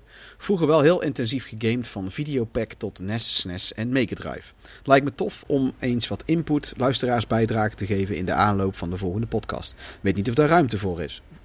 Onderwerp Game Aesthetic. Anyways, keep it up. Nou, dat eh, Game Aesthetic, toen heb ik al tegen hem gezegd van nou, we zijn met retro Game Aesthetics aan de gang. Maar dan gaan we, ongetwijfeld gaan we dat zeker nog, ehm, ook gewoon voor moderne games en sowieso bij retro games Ja. komt het ook echt nog wel een keer van pas. Tuurlijk. En toen heeft hij daarna eh, als tweede post heeft hij nog eh, of als tweede eh, briefbericht gestuurd. Ehm, net die documentaire van Benjamin gekeken. Dat is zeker wel die van die game rooms. die volwassen mannen in zo'n kamertje vol spullen heeft ook wel iets tragisch. Als kind niet alles. Dat is ook zo. Ja, dat gaat, hij, gaat, hij gaat nog verder hoor. Als kind niet alles kunnen kopen en dan later zoveel vergaren.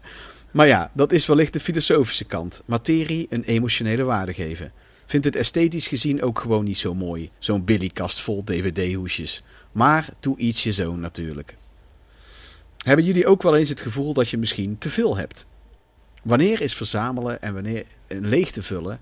eh, Wanneer is het verzamelen en wanneer is het een leeg te vullen met iets dat eigenlijk niks vult? Nou, dat vind, die laatste twee. Zo, Oei.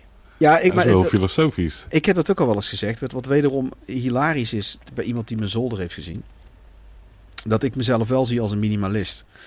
Ehm, ik heb ook heel dat boek gelezen van The Minimalist. Die twee Amerikanen die eh, al hun spullen bijna hebben weggedaan. Ehm, want die hebben het op een gegeven moment ook over iemand die heeft een hele boekencollectie. Die hebben ze ook gesproken. En die zei ook van, ja, ik wil wel eigenlijk... En zei ook van, nee, maar als jij zoveel waarde hecht aan jouw boekencollectie... dan, moet je dat, dan is dat waardevol. Dan hoef je het niet weg te doen. Met onze, vanuit onze visie ook niet. Alleen als je het alleen maar hebt om het te hebben. Kijk, en daarom heb ik bijvoorbeeld ook die Pokémon weggedaan. Ik, het boeit me eigenlijk niet dat ik hem heb, ja of nee. Ik heb hem gewoon omdat ik hem toevallig had gekocht en vroeger heb gespeeld. Dat heeft voor mij geen meerwaarde meer. Dus ik heb hem weggedaan. Eh, Waarbij ik vooral zoiets had van, nou, er zijn zat verzamelaars die, die, die, die staan te springen om, Mint, een, een, een, zo'n, die originele game in zo'n staat te hebben. Die is waarschijnlijk honderd keer blijer mee dan ik. En ik, dat, ik zou best zijn dat ik bijvoorbeeld ook de helft wegdoe over een paar jaar. Dat ik zoiets heb van, ah, wat moet ik nou mee? Bijvoorbeeld, ik vind nou bijvoorbeeld die Assassin's Creed, vind ik ook, ik vind die delen best wel tof. Alleen die games zijn veel te groot. Ik speel ze helemaal niet meer uit. Haalt ook voor mij een beetje de lol eruit. Nou, dan ben ik ook zo'n type die wellicht zegt van... Nou, ik doe gewoon al die beeldjes weg. Hoppatee, allemaal weg. Daar ben ik dan best wel toe in staat. Alleen ik weet ook dat je dat niet voorbarig Mhm. moet doen. Maar ik, ik, die twee vragen die hij zich afvraagt... Dat vind ik wel ehm, heel belangrijk om, om bij stil te staan. Dat je blij bent met wat je hebt. Want jullie hebben allebei eh, dat al veel eerder gedaan. En ook een hele hoop weggedaan. Ehm, ja, bijna zeker alles. mate wel, ja. Ja. Maar Klaas, jij moest Dan het moet ik ook, zeggen... jij, eh, jij moest het ook wegdoen, toch? Klaas? Ja, ik had geen geld. Ik, eh, nee. nee, ik, ik- wat jij zegt, van het, had, het had geen waarde. Ik heb eigenlijk dingen bewaard die, eh, die ook een emotionele waarde hebben. En dat is bijvoorbeeld die eh, eerder wat ik zei van die eh, Zelda Game Watch die ik heb. Want die heb ik van mijn opa en oma gekregen. Die ze hadden meegenomen uit Amerika. En al die consoles die ik heb gekocht. En ik heb daar later eens aan zitten denken. Want ik, eigenlijk heb ik alle oude consoles heb ik niet meer. Al die games die erbij hoorden ook niet. Ehm, maar ik heb wel gewoon wat dingetjes die mij herinneren aan mijn jeugd. En Een He-Man en Skeletor eh, action figure. Eh, ik heb zo'n oude robot staan. Ik heb Transformers, verzamel ik wat. Maar ik, eh, uiteindelijk is het ook wel een beetje, ik denk een soort van vluchtgedrag. Dat je, weet je, nu dat werk je elke dag en alles draait om werken en geld verdienen. En juist die jeugdherinneringen, dat is een beetje vluchten naar die tijd van toen. Toen alles fijn was en zorgeloos en geen hoer met geld. En je speelde gewoon en je deed wat je leuk vond. Dus ergens is het wel ook alweer tragisch dat die, die dingetjes die ik verzamel, dat ik dat verzamel. Want daar doe je het eigenlijk voor. Het is eigenlijk gewoon steeds weer herinneringen ophalen aan vroeger, aan ja, betere tijden wil ik ook niet zeggen, Ja. want ik heb het heel goed nu. Maar Nou het ja, is toch wel eh, een beetje Het, het, het is, naar eh, het zorgeloze leeftje. ja, maar ik, dat, dat, nou, dat zit de kern van waarheid in, denk ik. Ik heb zelf wel dat het... ehm, dit wordt gewoon een keer een topic. Voel ik aankomen. ik, heb, eh, nou, ik heb zelf bijvoorbeeld eh, vooral ook de games verzameld die ik vroeger heb gespeeld en toen niet had. Eh, Of die ik toen graag wou hebben en dat het in de. dat, dat- stond nummer één. Weet je wel? Want die game die speelde Precies. ik vroeger heel veel bij DD. Die wil ik zelf ook hebben. Of die heb Precies, ik toen heel, ik heel lang Ja. geleend. Bijvoorbeeld die, die, zoals die Panzer Dragoon Saga, waar ik, dat is een van de duur, voor mij, die heb ik echt gekocht in de tijd dat die al wat duurder aan het worden was. Ehm, dat ik ja, maar ik wou die toen al heel graag. Ik heb die toen twee weken mogen lenen, wat wel een hele eer was, want dat spel was toen al, was 20 jaar geleden al heel zeldzaam en duur. En ik nee, ik wil die gewoon echt graag hebben. Niet puur omdat die veel geld waard is of dat die duur is, maar... En daar, dat vraag ik me bij alles af. En dan, ik, ik had dat vroeger ook met mijn videobandencollectie. Dat ik, eh, dan kocht ik op een gegeven moment gewoon een film om weer een film te kopen. Was niet eens een hele goede film. En dan stopte ik er altijd Mhm. weer maandenlang mee. Maar goed, dat heb ik al eerder. Ik denk dat dit een keer een aparte topic wordt. Ik vind het sowieso goede vragen van hem. Hij had dus nog een ander eh, verzoek. En dat pakken we later wel op. En ik vind het sowieso heel leuk dat hij die brief heeft eh, gestuurd. Eh, wil jij daar nog iets aan toevoegen, Alex? Ehm, is het ook echt een fysieke brief? Jammer Ja, genoeg niet. Jammer genoeg niet. Ja, ik, wou net zeggen, van, Oké. ruikt hij ook lekker? Nee. Nee, hij heeft hem, eh, het is een digitaal eh, gestuurd bericht. Oké. Ja, ja, ik, eh, ik, ik vind inderdaad ook eh goede vragen. En eh daar heeft het ongetwijfeld eh, binnenkort ook wel weer over. In een eh, apart topic. Ja, hij, eh, het, ehm, het, het, het, het grappige is ook dat hij... eh, ik zei tegen hem toen hij dat, dat gevraagd van... Ja, ik, ik, je weet dat ik ook een behoorlijke collectie heb. Hè? Dat is niet, hij zei, ja, dat zag ik. Sukkel. Nee, goed. Dat, eh, even kijken, slipje. Er kwam nog een stuk achteraan. Qua displays van je collectie. Ik vond de volgende korte docu erg inspirerend om te zien. Nou, dan stuurt hij daar een docu over een mannetje van 13 die games is gaan verzamelen. Echt oude retro games als Atari en zo. Eh, die zal ik al in een link sturen bij de podcast op de website. En ehm, dat is wel heel tof ook. En eh, verder eh, zegt hij dan nog als laatste... ehm, keep up the podcast. Benieuwd wat jullie verder gaan bespreken. Nou, nou mooi. Toch? Dan gaan Top. we even snel Ja. door naar Ja, het... leuk om te horen. Ja, vind ik ook. Dan gaan we even snel door naar het steekspel. Om daarna zo snel mogelijk naar de hoofdtopic te gaan.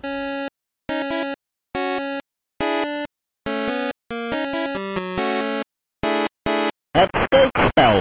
Zo. Steek hem erin. Ja, het was deze keer bij het steekspel nummer 302. Kwam uit de randomizer gerold. En dat zitten we in de Gamecube gedeelte zitten we dan van eh, mijn verzameling. En dat is Star Fox Adventures is dat geworden.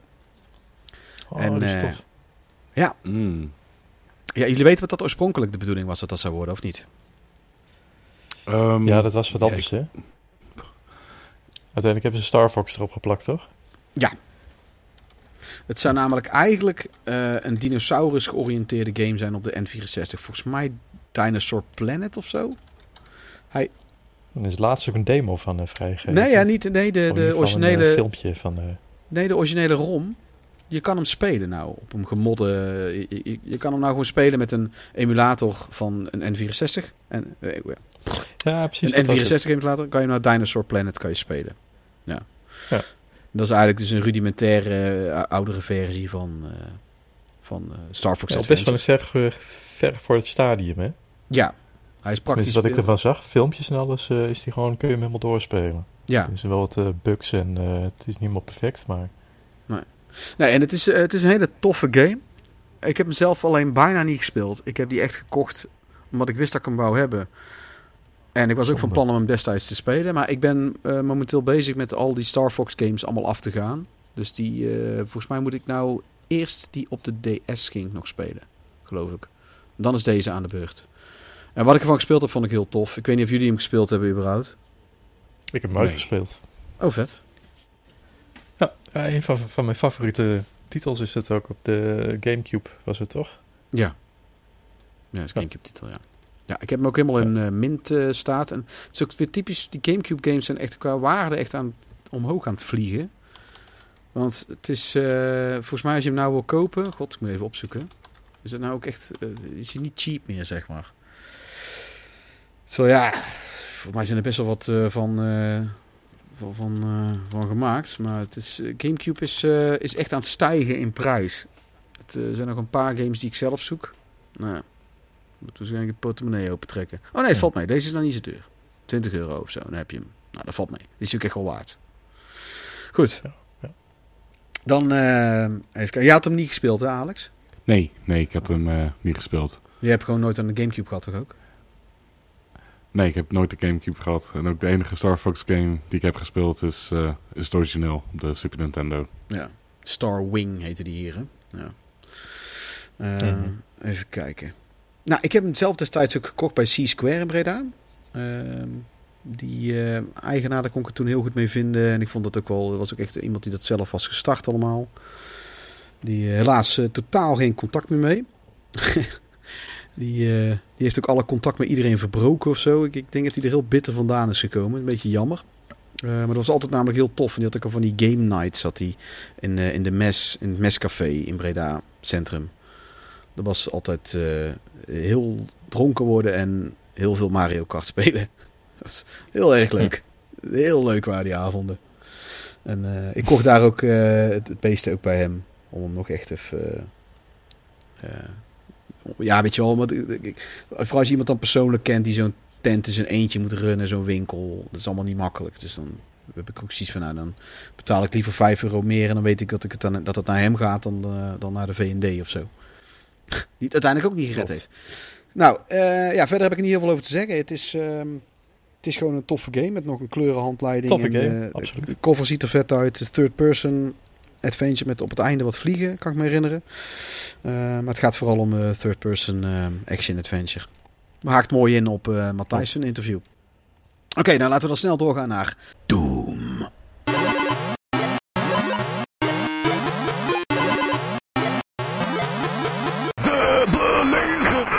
Ja, dan is eh, Doom aan de beurt. En eh, deze game om te bespreken als main topic was gekozen door niemand minder dan Alex. En Alex, kan jij eh, van wal steken?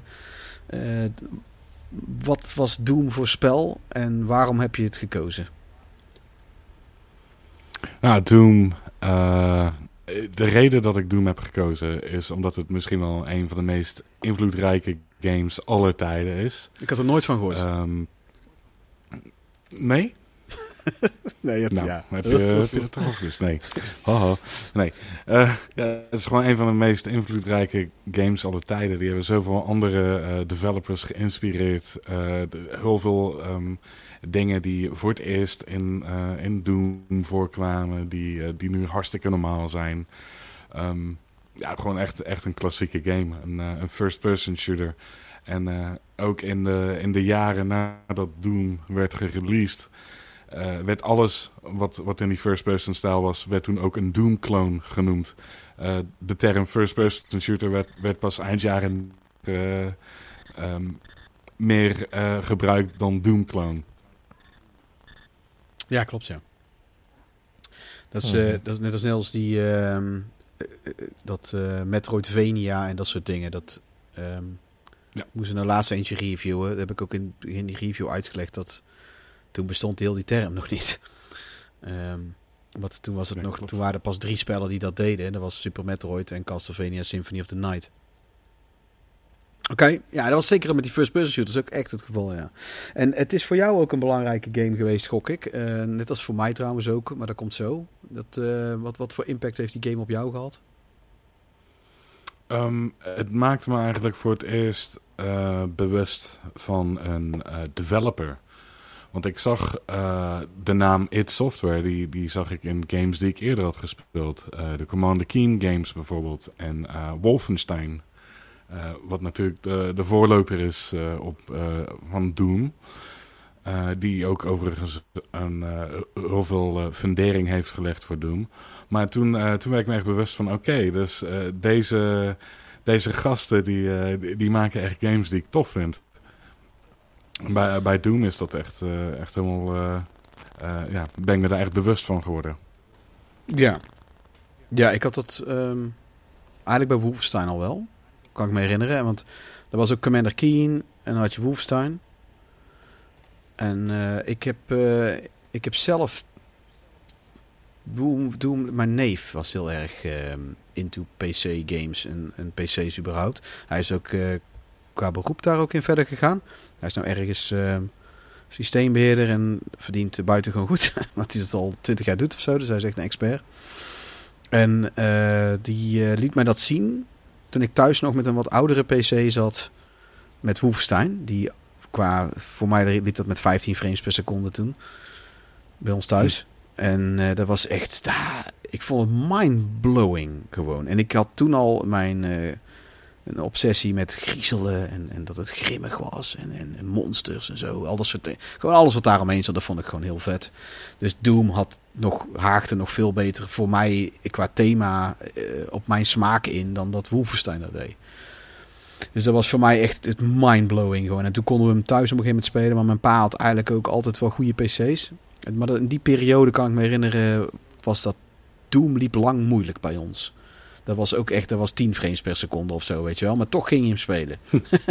en toch vond je het helemaal geweldig dat je hem überhaupt aan de praat had. En dat, die, dat je al dat je kon lopen. En die exploderen van die ton. En dat, van die stomme kleine dingetjes kon ik echt vol, vol verbazing naar dat scherm staan kijken. En ik, wat ik me vooral herinner is de, de graphics en de sfeer. Alles vond ik goed op elkaar inhaken. En eh, En natuurlijk eh, niet vergeten de soundtrack en de sound Ja. effects. ja, die gewoon ja, echt in, in mijn brein staan gegraveerd. Absoluut, ja, dat is eh, same here. Ja, ik vond die ook gelijk heel vet. Ja. En ah, Klaas, wat is jouw... heb jij een persoonlijke ervaring met eh, Doom of heb je er eh, huh? nooit van gehoord? Hm, Ik heb er niet zo heel veel mee. Heb jij, er, eh, heb jij hem ooit... Heb jij hem, Ja, nee, we, wanneer heb je hem voor hadden het eerst gespeeld we bijvoorbeeld? hadden hem vroeger. Nou, ik denk eh, rond de release. Wanneer is dat? Ergens midden jaren 90?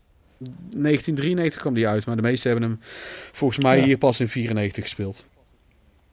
Ja, dat, dat, zodra die hier eh, breed eh, beschikbaar kwam. Eh, ik heb hem toen wel gespeeld, maar ik, ik moet zeggen, ik had er niet heel veel mee. Volgens mij speelde ik meer in die tijd die Disney-platformers en van die, die point-and-click adventures zoals Day of the Tentacle, die kwam- Hm. kwamen ook een beetje in diezelfde tijd uit. En daar had ik wat meer mee dan met eh, Doom. Ik, zag, ik vond het wel vet, maar wat jij zegt, dat sfeertje. eh, ik vond het zelf wat eh, te naargeestig of zo. ik heb Wolfenstein heel veel gespeeld. Wolfenstein vond ik heel tof, alleen Doom vond ik dan weer... ja, weet niet, het gaf een beetje een, een, een, zo'n ongemakkelijk gevoel. Ja. Ja. Beetje net als dat ik eh, dezelfde reden waarom ik nu Resident Evil eh, niet speel, of althans eh, niet ontspannen kan spelen. Ik had Ja, Doom ja, ook altijd een beetje. Dus ik speelde hem wel, maar niet, niet heel fanatiek en ook niet heel veel. Af en toe start ik hem dan op. Nou, zie die, eh, besloot ik dan wat anders te spelen. die latere levels van, eh, van Doom, eh, in episode 3 en zo, die kunnen nog steeds eh, ja, echt gewoon een creepy sfeertje hebben. Ja. Dat, eh, die, Ja, die, absoluut. ja. Ja, ik, ik Ja, vond dat gelijk heel vet. dat? Ik vond dat gelijk echt heel gaaf. Ik, eh, alles ook gewoon vond ik heel... eh, zo, het is zoals die, die supercharge, zo- zo'n raar blauw gezicht in zo'n Ja. sfeer, weet je wel. Zo raar. Het is nu nog steeds eigenlijk heel raar. En, en dat... Die textures die op, eh, op, vlees lijken, wat helemaal uit elkaar wordt getrokken. En natuurlijk heel veel bloed en Ja. pentagrammen en ja, satanische eh, Ja. iconografie.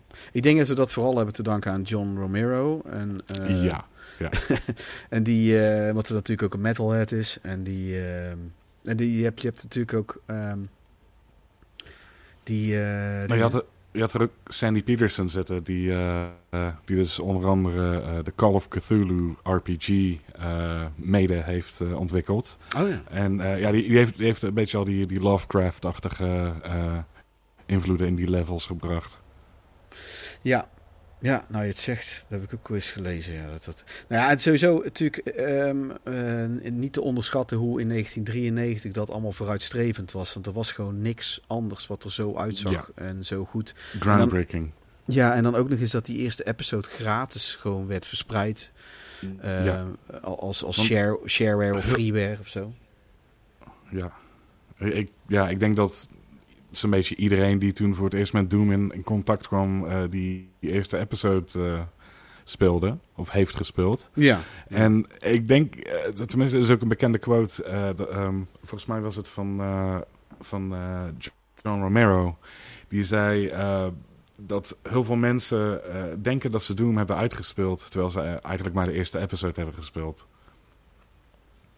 Ja, dat, dat geloof ik. Omdat iedereen dus alleen maar zo bekend was met de, met de shareware versie. En eh, dat was bij mij vroeger ook het geval. Ik dacht van, oh, ik heb Doom uitgespeeld. En pas op latere leeftijd kwam ik erachter van, oh, fuck, er zijn echt nog gewoon... Ja, toen was eh, Ultimate Doom al uit, dus er waren er gewoon vier episodes in totaal. Toen ik zoiets van, oké, eh, er is nog veel meer Doom dan Ja. dit. Ja, ja. ja ik, eh, god, ik kan me herinneren dat ik er vrij snel achter kwam. Maar dat het ook wel even duurde. Dat wel, ja. Ja, ja mijn pa die, had, die gaf les op middelbare school, scholen. En die had eh, daardoor een heel mooi netwerk om aan die games ook gewoon te komen, zeg maar. Eh, zonder dat, we er ook alles volle map moesten betalen. want ik kocht wel eens PC-games, maar eh, om alles te kopen, dat is echt niet te doen. En die Doom heb ik jaren later pas echt officieel gekocht. We speelden altijd gewoon een, een illegale versie met eh, lekker unrarren. Een hele lading discs unrarren en dan eh hoppatee. Dat kan ik me nog goed herinneren. We hadden hem al vrij Want- snel. eh, Doom 2 hadden we ook bij de launch. De- Ja, het echt zo vlak na de launch hadden we Doom 2 al. Ik wist niet, dat was helemaal... eh, dat, dat, dat, ja, dat hoefde eigenlijk nog niet eens, want ik was nog steeds met Doom 1 bezig. ik, ben nog steeds, ik kan nog steeds Doom 1 spelen. dat moet ik zeggen. Dus dat... Ja. Ja, dat kwam, uit, kwam dus uit in 93. Toen kwam volgens mij in 94 kwam die Ultimate Doom volgens mij al uit. Of in ieder geval die episode 4 kwam toen al uit. En, eh, god, in 95, wanneer kwam Doom 2 al uit? Was dat ook al in 94? Dat is allemaal redelijk rap achter elkaar gegaan, die twee. Ja. Ja, en eh, we hebben dan vooral over Doom. Mij zit er maar... Ja, ook in 94 kwam ook sorry. al Doom 2 uit. Ja, hier. En die, eh, ik, ik, ik kan me vooral één kan ik me heel goed herinneren. Ik heb vooral heel veel één gespeeld. En twee ook wel. Ehm, Maar die, eh, ja, je hebt dus John Carmack en John Romero van It Software. Er zitten toch eigenlijk wel de grote namen erachter. Er zijn hele interessante documentaires over te zien op YouTube. Kleine dingen, interviews en zo. Eh, want jij, Alex, had er laatst nog eentje naar mij gestuurd. En ik had er eentje naar jou gepaast. Dat was volgens mij een interview van Romero dat ik naar jou had gestuurd. En eh, ik vind dat ook heel tof. Net als waar die Matthijs het in het interview over had.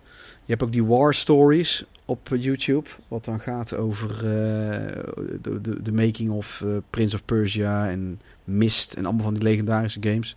En wat voor problemen dat er allemaal wel niet bij kwamen kijken. En uh, dat, dat toch dat doorzetten. En bij Doom zitten ook een hele hoop van die momenten. En hoe ze toch die visie wouden doorzetten, zeg maar. En dat, dat ook met dat land, dat, dat, dat voor het eerst multiplayer ook. Ja, juist. Uh, en, en dan die modding community eromheen. En dat zelf die levels maken en alles. Dus eigenlijk, eigenlijk is daar Doom op alle fronten een soort pionier in geweest. En er valt altijd wel Klopt. ergens een, een, game te noemen die het eerder heeft geprobeerd, maar daarbij is het allemaal niet gelukt. Of het is allemaal heel matig geweest.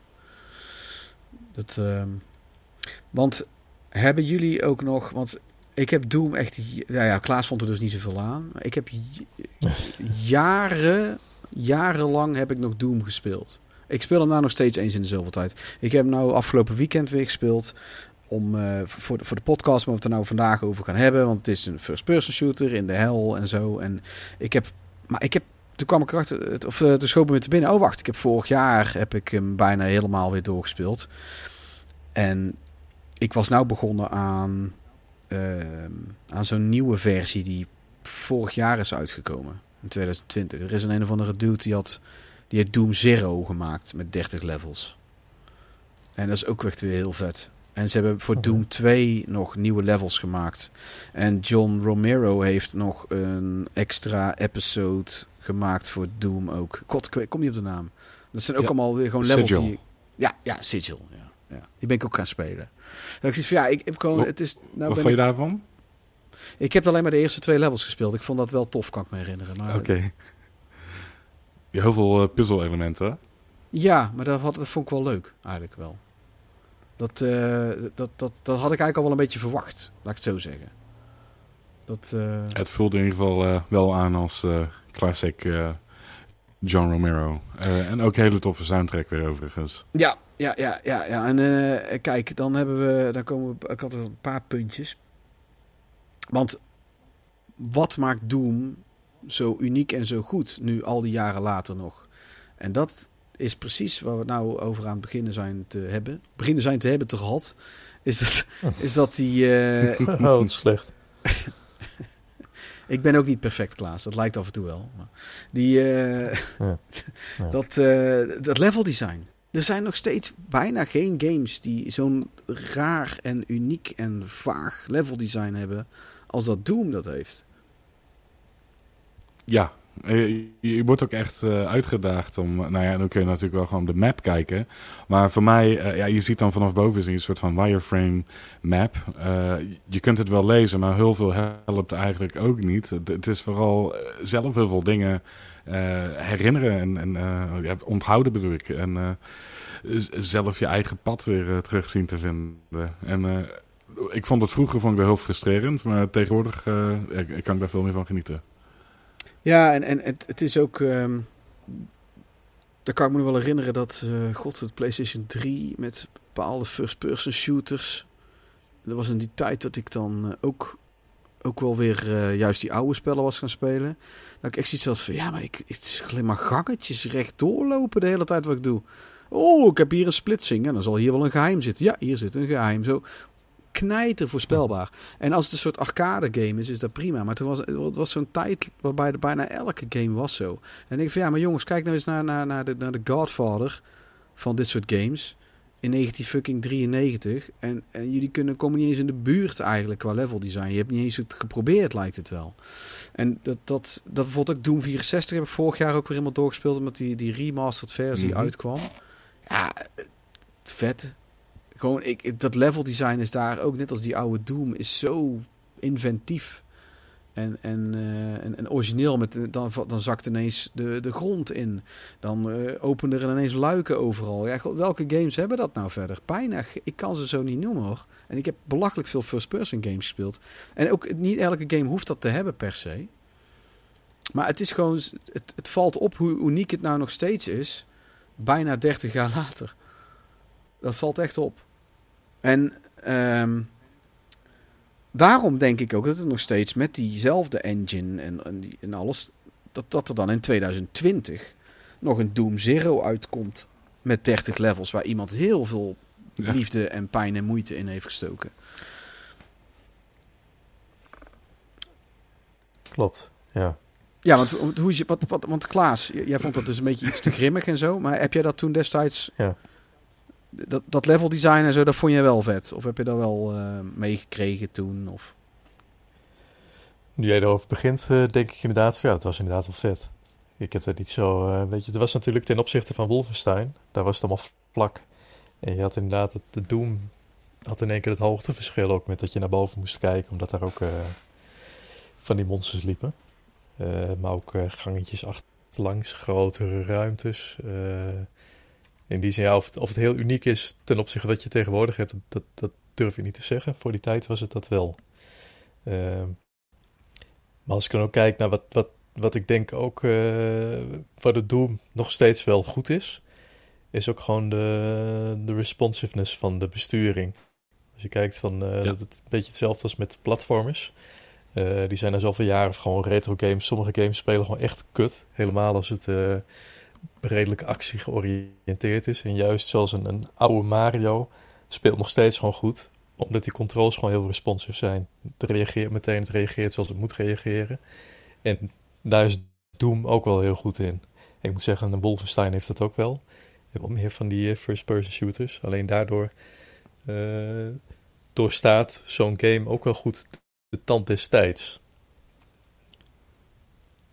Ja, alleen vind ik, vind ik wel dat, dat Doom dat veel beter doet dan uh, uh, Wolfenstein 3D. Want als je die twee games tegenover elkaar zet, ja, Doom die, die lijkt wel honderd keer sneller te, uh, te draaien. En het is zo vloeiend. En het is mm -hmm. inderdaad ja. net wat jij zegt, met de precisie van een platformer bijna. En dat ja. maakt inderdaad waar, waarom, of tenminste dat is een van de redenen waarom Doom inderdaad vandaag de dag nog steeds prima te spelen is. Ook gewoon leuk. De, Precies ik, ik geloof um, dat ook een, een van de hoofdfilosofieën uh, van die game was van... Uh, Oké, okay, je bent de hele tijd aan het lopen, laten we dat wel leuk maken. Hmm. En um, ja, zo voelt het wel aan. Dat is gelukt. Keihard rennen, demons knallen, ja. Ja, en die... Uh, ja, ik geloof ook... ik, ik geloof ook dat mensen berekeningen hadden gedaan en... Uh, dat, uh, dat de Doom Guy, geloof ik, met, uh, met 80 km per uur uh, op topsnelheid rondrent door die levels. nou, dat, gezien wat voor een powerhouse dat die verder is, sta ik daar niet van te kijken. Nee. nou, ik, ik heb. Um, ik, ik, was. Ja, toen. De, een van de eerste prominente games die daarna kwam, was natuurlijk ook Quake wel. En dan had je Turok. Turok was voor mij uh, de eerstvolgende die echt een, groot, ja. een grote impact op mij maakte. Dat, dat 3D modelleren en heel die sfeer, ook wederom de sfeer ook weer. En die gameplay was ook goed. En alles. En daarna kreeg je... Uh, daarna kwam vrij snel... Uh, kreeg je nog een paar shooters. Uh, Quake 3 en 2 en 3. En, en toen kwam op een gegeven moment die Splinter Cell. En toen kreeg je dat, toen werd het langzamerhand steeds populairder om het realistischer te doen en dat je dekking moest zoeken en zo. En die, die spellen, daar zoog ik zo ongelooflijk hard in, want ik was Doom gewend dat je gewoon, ja, net als Schwarzenegger, jij gaat, godverdomme niet, blazen. Jij gaat, jij gaat niet dekking zoeken, was daar gewoon op te schieten en je dodgt en zo wel. En daarom vond ik het ook die gameplay is de hele tijd helemaal weg geweest. Dat soort gameplay. Zeker met, met wil, niks tegen uh, die games met dat dekking zoeken. Want daar heb je ook hele goede games bij. Zoals Gears of War. Ik vind Gears of War echt heel vet. En um, toen kreeg je de, de Doom uit 2014. Waarbij ze eigenlijk weer, want, want je hebt ook Doom 3 natuurlijk, uh, die, die uh, ook wel vet is, mm. maar dat is ook al toch alweer behoorlijk lang geleden. Dat is ook alweer 20 jaar geleden. En mm -hmm. heb je die Doom in 2014, het lijkt alsof ze echt zoiets hebben gehad van ja, we, we willen eigenlijk weer terug naar dat intense eh up close en die actie. En daar hebben ze echt perfect op in weten te haken. Do- Door dat heel, dat eigenlijk weer te weten te vernieuwen. Op, want ik heb verder nooit zo'n zo'n zo'n game gespeeld, zo'n first-person game die zo'n intensiteit heeft en, en, en op die manier speelt als dat is die, een flow. ja. Ja, ik heb Ja. de laatste nog niet. Ik heb Doom Eternal Ehm. nog steeds niet gespeeld trouwens. Dat niet. De, overigens, de, de, de originele eh, Doom 4, die, eh, die helemaal geschrapt is, eh, Oh ja, dat is werd waar. ook wel, eh, tenminste, de- mockingly werd het Call of Doom genoemd, omdat wat ze ervan lieten zien leek toen heel erg op Call of Duty, alleen met Doom monsters. En daar zaten mensen eigenlijk niet echt op te wachten. En toen zijn ze dus met heel, heel die revamp gekomen voor die, eh, voor die Doom reboot, zeg maar. Ja, en wat, eh, wat een veel betere keuze is geweest. Ja, absoluut. Ja, ja, ja, ja, zeker. En ik heb Doom Eternal nog niet gespeeld. Eh, ik, ik hoor daar over het algemeen vrij goede dingen over. Hele goede dingen zelfs, maar sommige zijn er iets minder positief over. Ik heb, hem, ik heb wel zelfs, ik heb zelfs die versie met die helm en zo erbij, wat echt super vet is. het is Oh, cool. super kinderachtig, maar ik heb gewoon nou een groene helm met lampjes erin en zo. en het is gewoon heel vet. Het, ik, ik schaam me er ook niet voor en het interesseert me verder niet. Ik besef wel wat het is. Maar dat, ehm, ja, ik moet, ik, ik, dat, en dat, dat vind ik juist ook, dat deed mij juist ook weer beseffen. eh, ah, die actievet, die actievolle, intense gameplay met veel enemies en, en die, die, die soort chaos. Dat is heerlijk in Doom. Ik heb, ik heb het nog gefilmd, een aantal. Ik had zo'n. Eh, God, ik weet niet welke episode. Het was heel, veel- heel ver in die game, waarbij je echt zo'n zo'n level hebt. Met als je dan een paar schakelaars te veel omzet, dat je dan echt in één keer 50 vijanden of zo. Weet je Ja. zo'n totale chaos. En, en ik weet, Ja. het, ik weet het te overleven. Ik ren de hele tijd dan weer weg. En dan weet ik, dan blaas ik er weer een paar op. En dan, en dan ga ik een hoek om. En dan kom ik daar weer een hele groep tegen. En, en, en ja, het, het, dat hele filmpje, dat is, het is nog steeds tens als ik er zelf naar kijk. Hoe- hoeveel games hebben dat? Dat, je, dat, je, dat, je zo, dat het zo intens uit de hand loopt. En je weet er toch nog uit te komen. Want bijvoorbeeld als je, als je zoiets... ehm, Oké, met Bloodborne was ik nou op het laatste ook heel goed. En dan kon je ook hebben dat het best wel uit de hand liep. Eh, en dat ik het dan toch redde. Maar meestal red je het gewoon helemaal niet. En bij Doom, het- ik weet niet, die, die, die, die soort chaos, daar, daar kan je op voeden op een gegeven moment.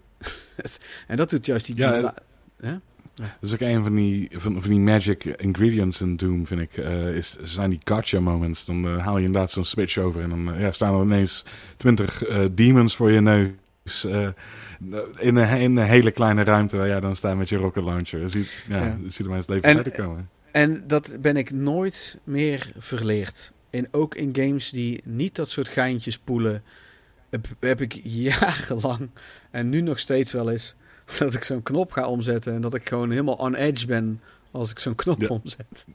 Nu gaat er iets gebeuren. Dat is echt dankzij Doom. Doom 64 doet het ook heel goed. Ook echt heel goed. Dit is alleen niet eh, ontwikkeld door id Software. Hè? Dat is Midway geweest, toch? Ja.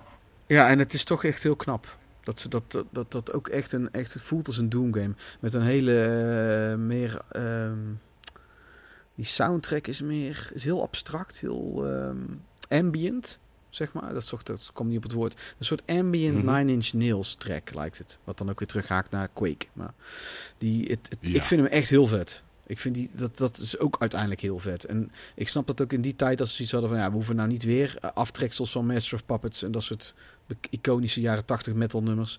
Laten we er een andere take op doen. En die pakt ook gewoon weer heel goed uit.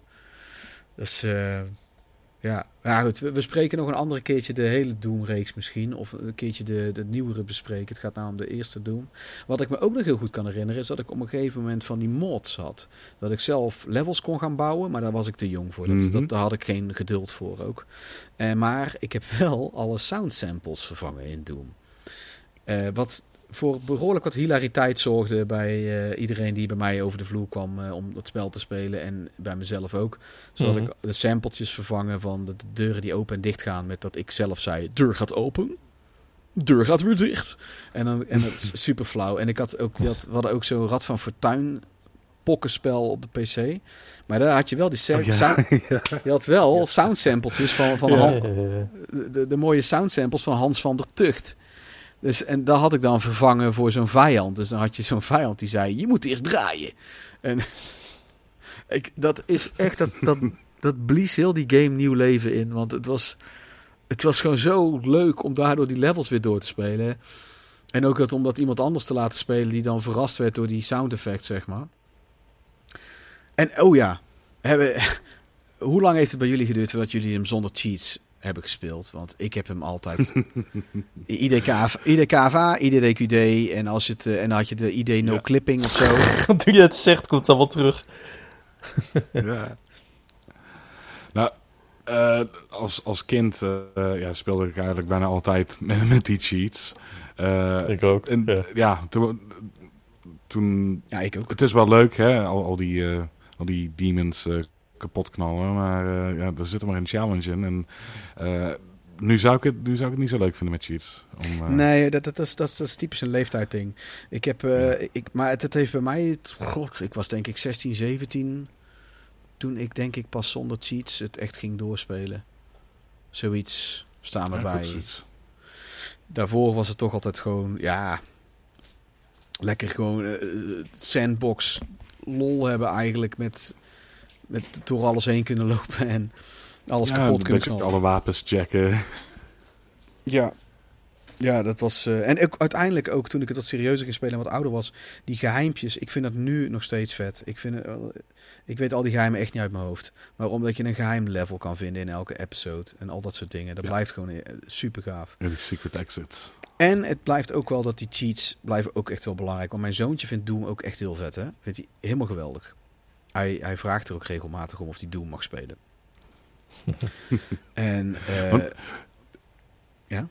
Had, had jij dat, eh, tenminste ik had dat gevoel vroeger, eh, volgens mij heb ik het wel eens eerder eh, over gehad eh, toen we het kort over Wolfenstein hadden. Maar eh, ik, ik had het gevoel dat ik iets aan het spelen was wat, wat eigenlijk niet mocht. Eh, tenminste wat, wat in de ogen van veel mensen eh, Ja, had ik werd ook. gezien als iets, iets fouts of zo. Mijn ouders hadden er geen problemen mee, maar... eh, eh, bijvoorbeeld eh, eh, mijn grootouders, eh, ja, die, die zouden misschien wel eh, met een ander oog ernaar hebben gekeken.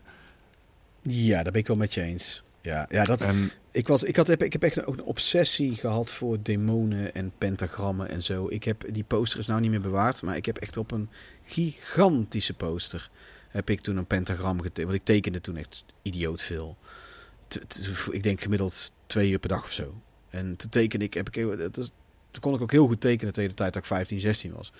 Eh, omdat ik zo belachelijk veel tekende. Toen heb ik echt zo'n belachelijk grote pentagram, helemaal bebloed met zo'n grote demon skelethoofd ding getekend. Heeft jarenlang aan de muur gehangen. En toen op een gegeven moment was ik echt, was ik echt 20 of zo. Toen was ik zoiets van, ja, ik haal het nou maar weg. Misschien toch een beetje, eh, het, het, ja. En Dat, dat, dat, dat heb ik gedaan om de reden wat jij zegt. Om, om, om, om eh, eigenlijk een beetje om te stoken. Het is, eh, ik was absoluut geen satanist of zo. Ik deed het gewoon een beetje om recalcitrant te zijn. Eh, en omdat Ja, ik gewoon ja. een fascinatie voor occult en obscuur. Dat heb ik ook altijd wel gehad. Dat, eh, ja, dat heeft bijna heel onze vriendenkring wel, Alex. ja, denk ik ook wel, ja. Zoals onze vriend Tompa dat zo erg heeft. Ook. Ja. Oké, ja, vet. Ja, En er was natuurlijk ook nog... Ja. Sorry. Nee, jij Er was maar. natuurlijk ook nog veel eh, controverse op een gegeven moment eh, over Doom. En, en first-person shooters in het algemeen. Maar vooral Doom. We hadden eind jaren 90, eh, eh, ik, ik geloof in 99 natuurlijk, tragische gebeurtenis op, op, op Columbine. Waarbij dus, ja, dat was een high school shooting. En die, die personen die dat hadden uitgevoerd, die schenen dus echt eh, grote fans te zijn van Doom. En er werd Doom gelinkt aan die, aan die shootings. En ehm, er was een hoop gedoe over destijds. Ja, ja. Ik weet niet of jij eh, dat nog kunt herinneren. Ja, dat kan me nog herinneren. Ik heb, eh, en toen zei ik Ja. volgens mij al van... eh, bijna elke jongen van 15 is fan van Doom. Dus dat is net zoiets als zeggen van... Ja, hij Ja, dronk, hij dronk. Coca-Cola. Hij dronk Coca-Cola. Dat, dat, dat, eh, dat zei ik Ja. volgens mij toen ook al. Zoiets. Als we nou eventjes moeten afsluiten, hè. Zou... eh, ten eerste Vinden jullie het spel nog steeds een aanrader vandaag de dag? Ik heb een eh, volwaardige jaar erop. Ja, 100%.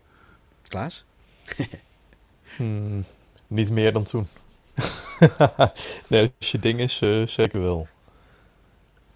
Wat ik zeg, Ja. want het is, eh Maar dat is puur, een- een puur van vanuit, vanuit een eh, historisch perspectief.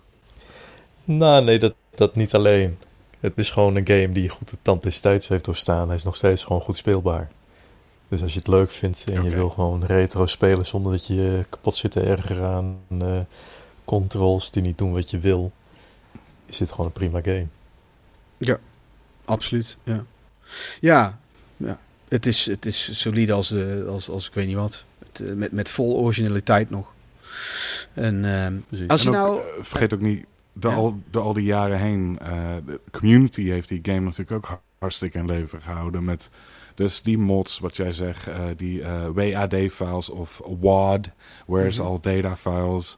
Ehm, speedruns zijn eigenlijk eh, ontstaan eh, mede door, door Doom, door Oh de ja. demo-files, de LMP-files. Eh, nou, als je ziet hoe groot speedrunnen nu is, met, met Doom werd ermee begonnen. Hetzelfde absoluut. wat jij daar straks ook zei, het, het multiplayer, LAN-multiplayer. Natuurlijk waren de multiplayer games voor Doom, maar ja, die, die, die games waren geen Doom. Ehm, ook op, het, op het kantoor bij It Software werd er ook zoveel deathmatch gespeeld, eh, dat ze af en toe ook gewoon niet aan programmeren toekwamen. En ehm, overigens Doom ook de eerste game waarin de term eh, deathmatch zit. Ja, ja, ja, ja het, het, het zit vol met dit soort dingen. En ehm, het, het is ook... ehm, oh, oh, inderdaad, dat, dat modden en dat zelf levels bouwen en al die dingen. Het, het, het, het, het, het blijft... het- niet alleen vanuit die, kijk, dus vanuit historisch oogpunt zou ik het aanraden ook wel. En, en dat soort dingen. Dat je het, maar ook, het speelt nog steeds gewoon super vet. Het is nog steeds gewoon. Het, of, die levels zijn ook nog steeds keihard qua design. Sommige zijn op een gegeven moment op den duur best wel lang. Daar sta ik nog steeds van te kijken. eh, hoe, hoe dat best wel een lange zit kan zijn, zo'n level. Ja. Maar daarmee geeft het ook Ja, aan hoe backtracking. Ja, en het is ook een soort puzzelelement erin. Wat nog steeds, het voelt nog steeds origineel aan. Dus het is niet zo van, oh, dat is de zoveelste. Eh, eh, ik heb wel altijd na twee, drie levels van die grotere... eh, heb ik echt wel even genoeg ervan. Maar dat is helemaal niet erg. Is gewoon... Dan ben je even verzadigd weer. En dan ga je, pak je het later weer op. Daardoor heeft het een lange adem ook. Je speelt hem niet zomaar even snel uit. Ik in ieder geval niet. En, en geheimen, dat blijf ik ook zoiets vinden. Dat is ook een tijd lang...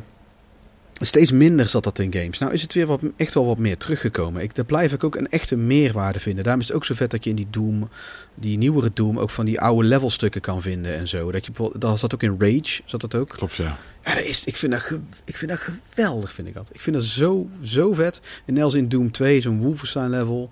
Dat, dat, ik geef eigenlijk gewoon bijna een, een, cijfer. Misschien zelfs bijna twee cijfers hoger als dat soort dingen in zo'n game zitten. Dat, dat, soort, dat soort aandacht voor details en, en liefde voor de, de andere genres en games en de oudere tijd. En dat was toen tenslotte ook al, Commander Keen was toen ook al eh, op leeftijd aan het raken. Er zat, Ja. een, mug, er zat hier Ja. een mug, mug vloog hier ineens voorbij. Maar die, Oh. Eh, en is er, nog, is er nog iets wat jullie denken wat, eh, wat, wat zou moeten, wat zou echt zou kunnen verbeterd worden? Dat zal je, ehm, wat zou er nog echt aan kunnen worden verbeterd? Als ik nou bijvoorbeeld nou een eh, nieuwe, nieuwe episode 5 zou willen maken. Wat zou ik eraan kunnen De, verbeteren? die is er al, hè? Dat is, dat is Sigil. Ja, oké. nou, Episode 6. Ja, episode 6. Ehm, ja, dat, dat verschilt denk ik per persoon. Ja, wat, wat zeggen jullie? Wat zeg Eh, jij? de- de- Ja. ehm, ja, doe mij maar Wat- meer er eh? Romero-stijl levels. Zoals bij Sigil. Zo, ja, zoals bij Sigil en eh, eh, episode 1 eh, is ook het merendeel door eh, Romero gedaan. De- ik vind het- de, de Peterson levels vind ik ook heel cool. Alleen ehm, die, die zijn vaak wat meer eh, eh, gefocust op eh, de puzzel-elementen. En ik wil gewoon rennen en knallen. Met, een, met lichte, lichte puzzel-elementen. Ja. Oké. En ehm Klaas. meer, meer vrolijk. Ja. Daglicht. Ik mis, nee, ik mis vooral een dikke lul. Dat snap ik. dat is zo. En laten we heel eerlijk, laten we heel eerlijk zijn. Tepels hoef je niet te missen. Want eh, die imp Nee, is klopt. Ja, ja. Die heb ik. ja, dat is zelf, dat is waar. oké. Oh, Nou, ik- ik weet niet of je als de, de achterkant van die Imp Sprite heeft gezien, maar eh, hey, die Imp die doet echt wel squats. Ja, ja het is, eh, er, zitten, er, zitten, er zitten er weinig in, eh, Klaas. Ik denk zelfs geen, om heel eerlijk te zijn. Maar ehm, ja, als ik eh, het zou iets moeten toevoegen. Ik, wat ik al heel lang wil, is, is een extra vijand. Eh, een extra eh, ontworpen Ah, ja. Ja. vijand of zo. Dat vond ik bij, dat Nieuwe vind ik ook, dat vind ik nog steeds leuk aan Doom 2. En dat miste ik ook bij episode 4 op het eind. Van, nou, dat wil wel, wel iets kunnen bedenken. Of zo. Dat, dat, dat wel iets... Een, een- ja, gewoon, dat, er zijn nog zat demonen en gekke monsters die je zou kunnen bedenken... die een toffe toevoeging zijn. Ja, dat is waar. Dat, eh, dat is zo mijn ding. Verder eh, ben ik het qua level design wel met jou eens. Een, een mooie balans daarin. Ehm, dat zijn wel de echte beste levels die, die, die allebei hebben. Dat puzzelen en, ehm, en ook dat het een soort structuur had of zo. Dat, eh, dat je wel echt een soort Ja. toren hebt of een soort ding. En, eh, bij Doom 2 gaan ze af en toe iets te ver. Is het level iets te groot, naar mijn gevoel. Goed, ik denk dat we het zo wel hebben. Het is gewoon een eh, iconische game waar, eh, waar we ongetwijfeld nog een keer op terugkomen. Eh, waarschijnlijk gaan we het ook nog eens een keer apart hebben over, eh, over Doom 2, 3 of heel de reeks. Ja, ik wilde eigenlijk nog wel iets Ja, zeggen. ja, ga je gang. Ik, weet, ik, ik weet niet of, eh, of jij eh, hebt gezien waar Doom allemaal naar is gepoord. Want daar staat Doom natuurlijk ook Oh, bekend om. Oh, daar wou ik het nog over Dat is hebben. echt een waslijst. Dat- ja. Dat blijft een, een challenge. Ik, denk dat geen enkele andere game zoveel is geport als, Ja, dat is waar Doom. Op een kopieerapparaat, eh, het schermpje en op een... eh, er was nou iemand op een pregnancy test. Ja. iemand het ook gezet. Maar dat komt ook omdat id Software heeft op een gegeven moment gewoon de source code vrijgegeven. Dus die, die zeiden van hier, folks, have fun. Hebben ze later ook gedaan met Quake, geloof ik. En ehm, eh, op, op een gegeven moment zijn ze denk ik mee gestopt. Maar ze gaan voor die oude games nog wel eens de, de source code vrij.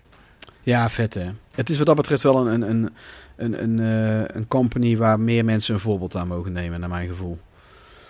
Dat, eh, Ja, ja. ja. heel vet. Dat was, ik- god, ik was er helemaal vergeten. Dat was zoiets wat ik dan twee weken geleden aan dacht. Van, dan moesten we, dat, dat, ehm, dat moet ik niet vergeten te noteren. Eh, wel gedaan.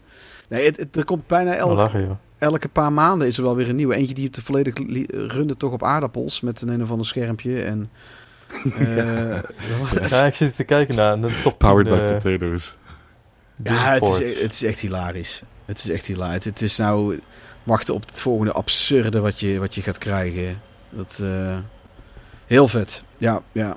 Dat blijft ook een feestje. Iedere keer als je weer een artikel voorbij ziet komen dat iemand weer iets anders is gelukt. automaat. Ja, het is gewoon weer... Die pregnancy test kan ik me nog herinneren. Dat was eh, een half jaar geleden of een jaar geleden. Zoiets was Ja, dat. dat klopt, ja. Ja. Prachtig. Ja, en nog even snel een, eh, een shout-out naar een paar van mijn eh, favoriete Doom-clones, zoals ze toen genoemd werden. Eh, Star Wars Dark Forces, Rise of the Triad, System Shock, Heretic, Hexen en natuurlijk Duke Nukem. Ja, dan heb je wel redelijk het lijstje wat ik ook zou noemen. Ik ben een Heretic laatst nog aan begonnen. Heb ik episode 1 helemaal uitgespeeld.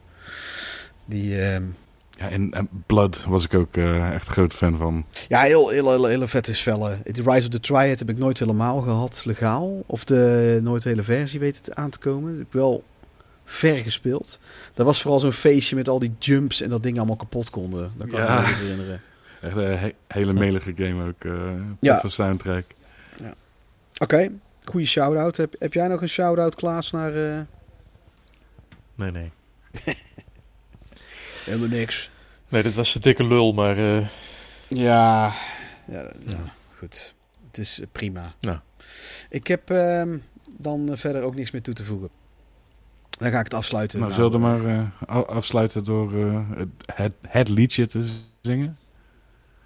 Ja, ik, ik wil eerst mijn praatje doen. Dan, dan kunnen we dat doen, ja. Oh, oké. oké. Nou, eh, bedankt voor het luisteren naar eh, alweer question nummer 12. En je kan Retro Game Papa volgen op Instagram en bezoek onze site www.retrogamepapa.nl. De vragen kan je dus ook stellen via de site en via peter@retro pff, via peter@retrogamepapa.nl kan je ook mailen. en, via, en via Instagram kan je ook de vragen stellen. Ik heb trouwens bij de vorige podcast, dat zeg ik ook ergens piemels, zeg ik ook tussendoor. Waarbij ik dat ja, je hebt ook een keer, je hebt ook een keer eh, repro game papa gezegd. Ach ja, ik... Dus, doe jij illegale handel? repro game. Ja, Of was het ja, met ja. R-A-P-E? E? Ja, dat zal wel. Dat zal wel. dat ik zo'n kloon, dat ik zo'n kloon ben van mezelf. Goed. Mooi. Goed. Nou, en dan... eh Ja. pet, pet, pet, pet,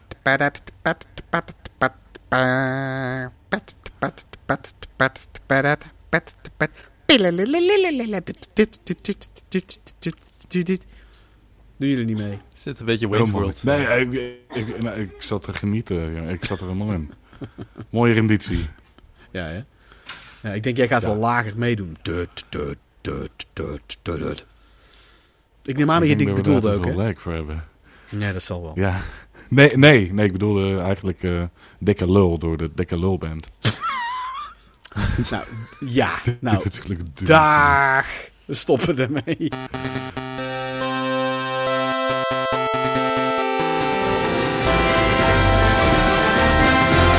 Dikke lul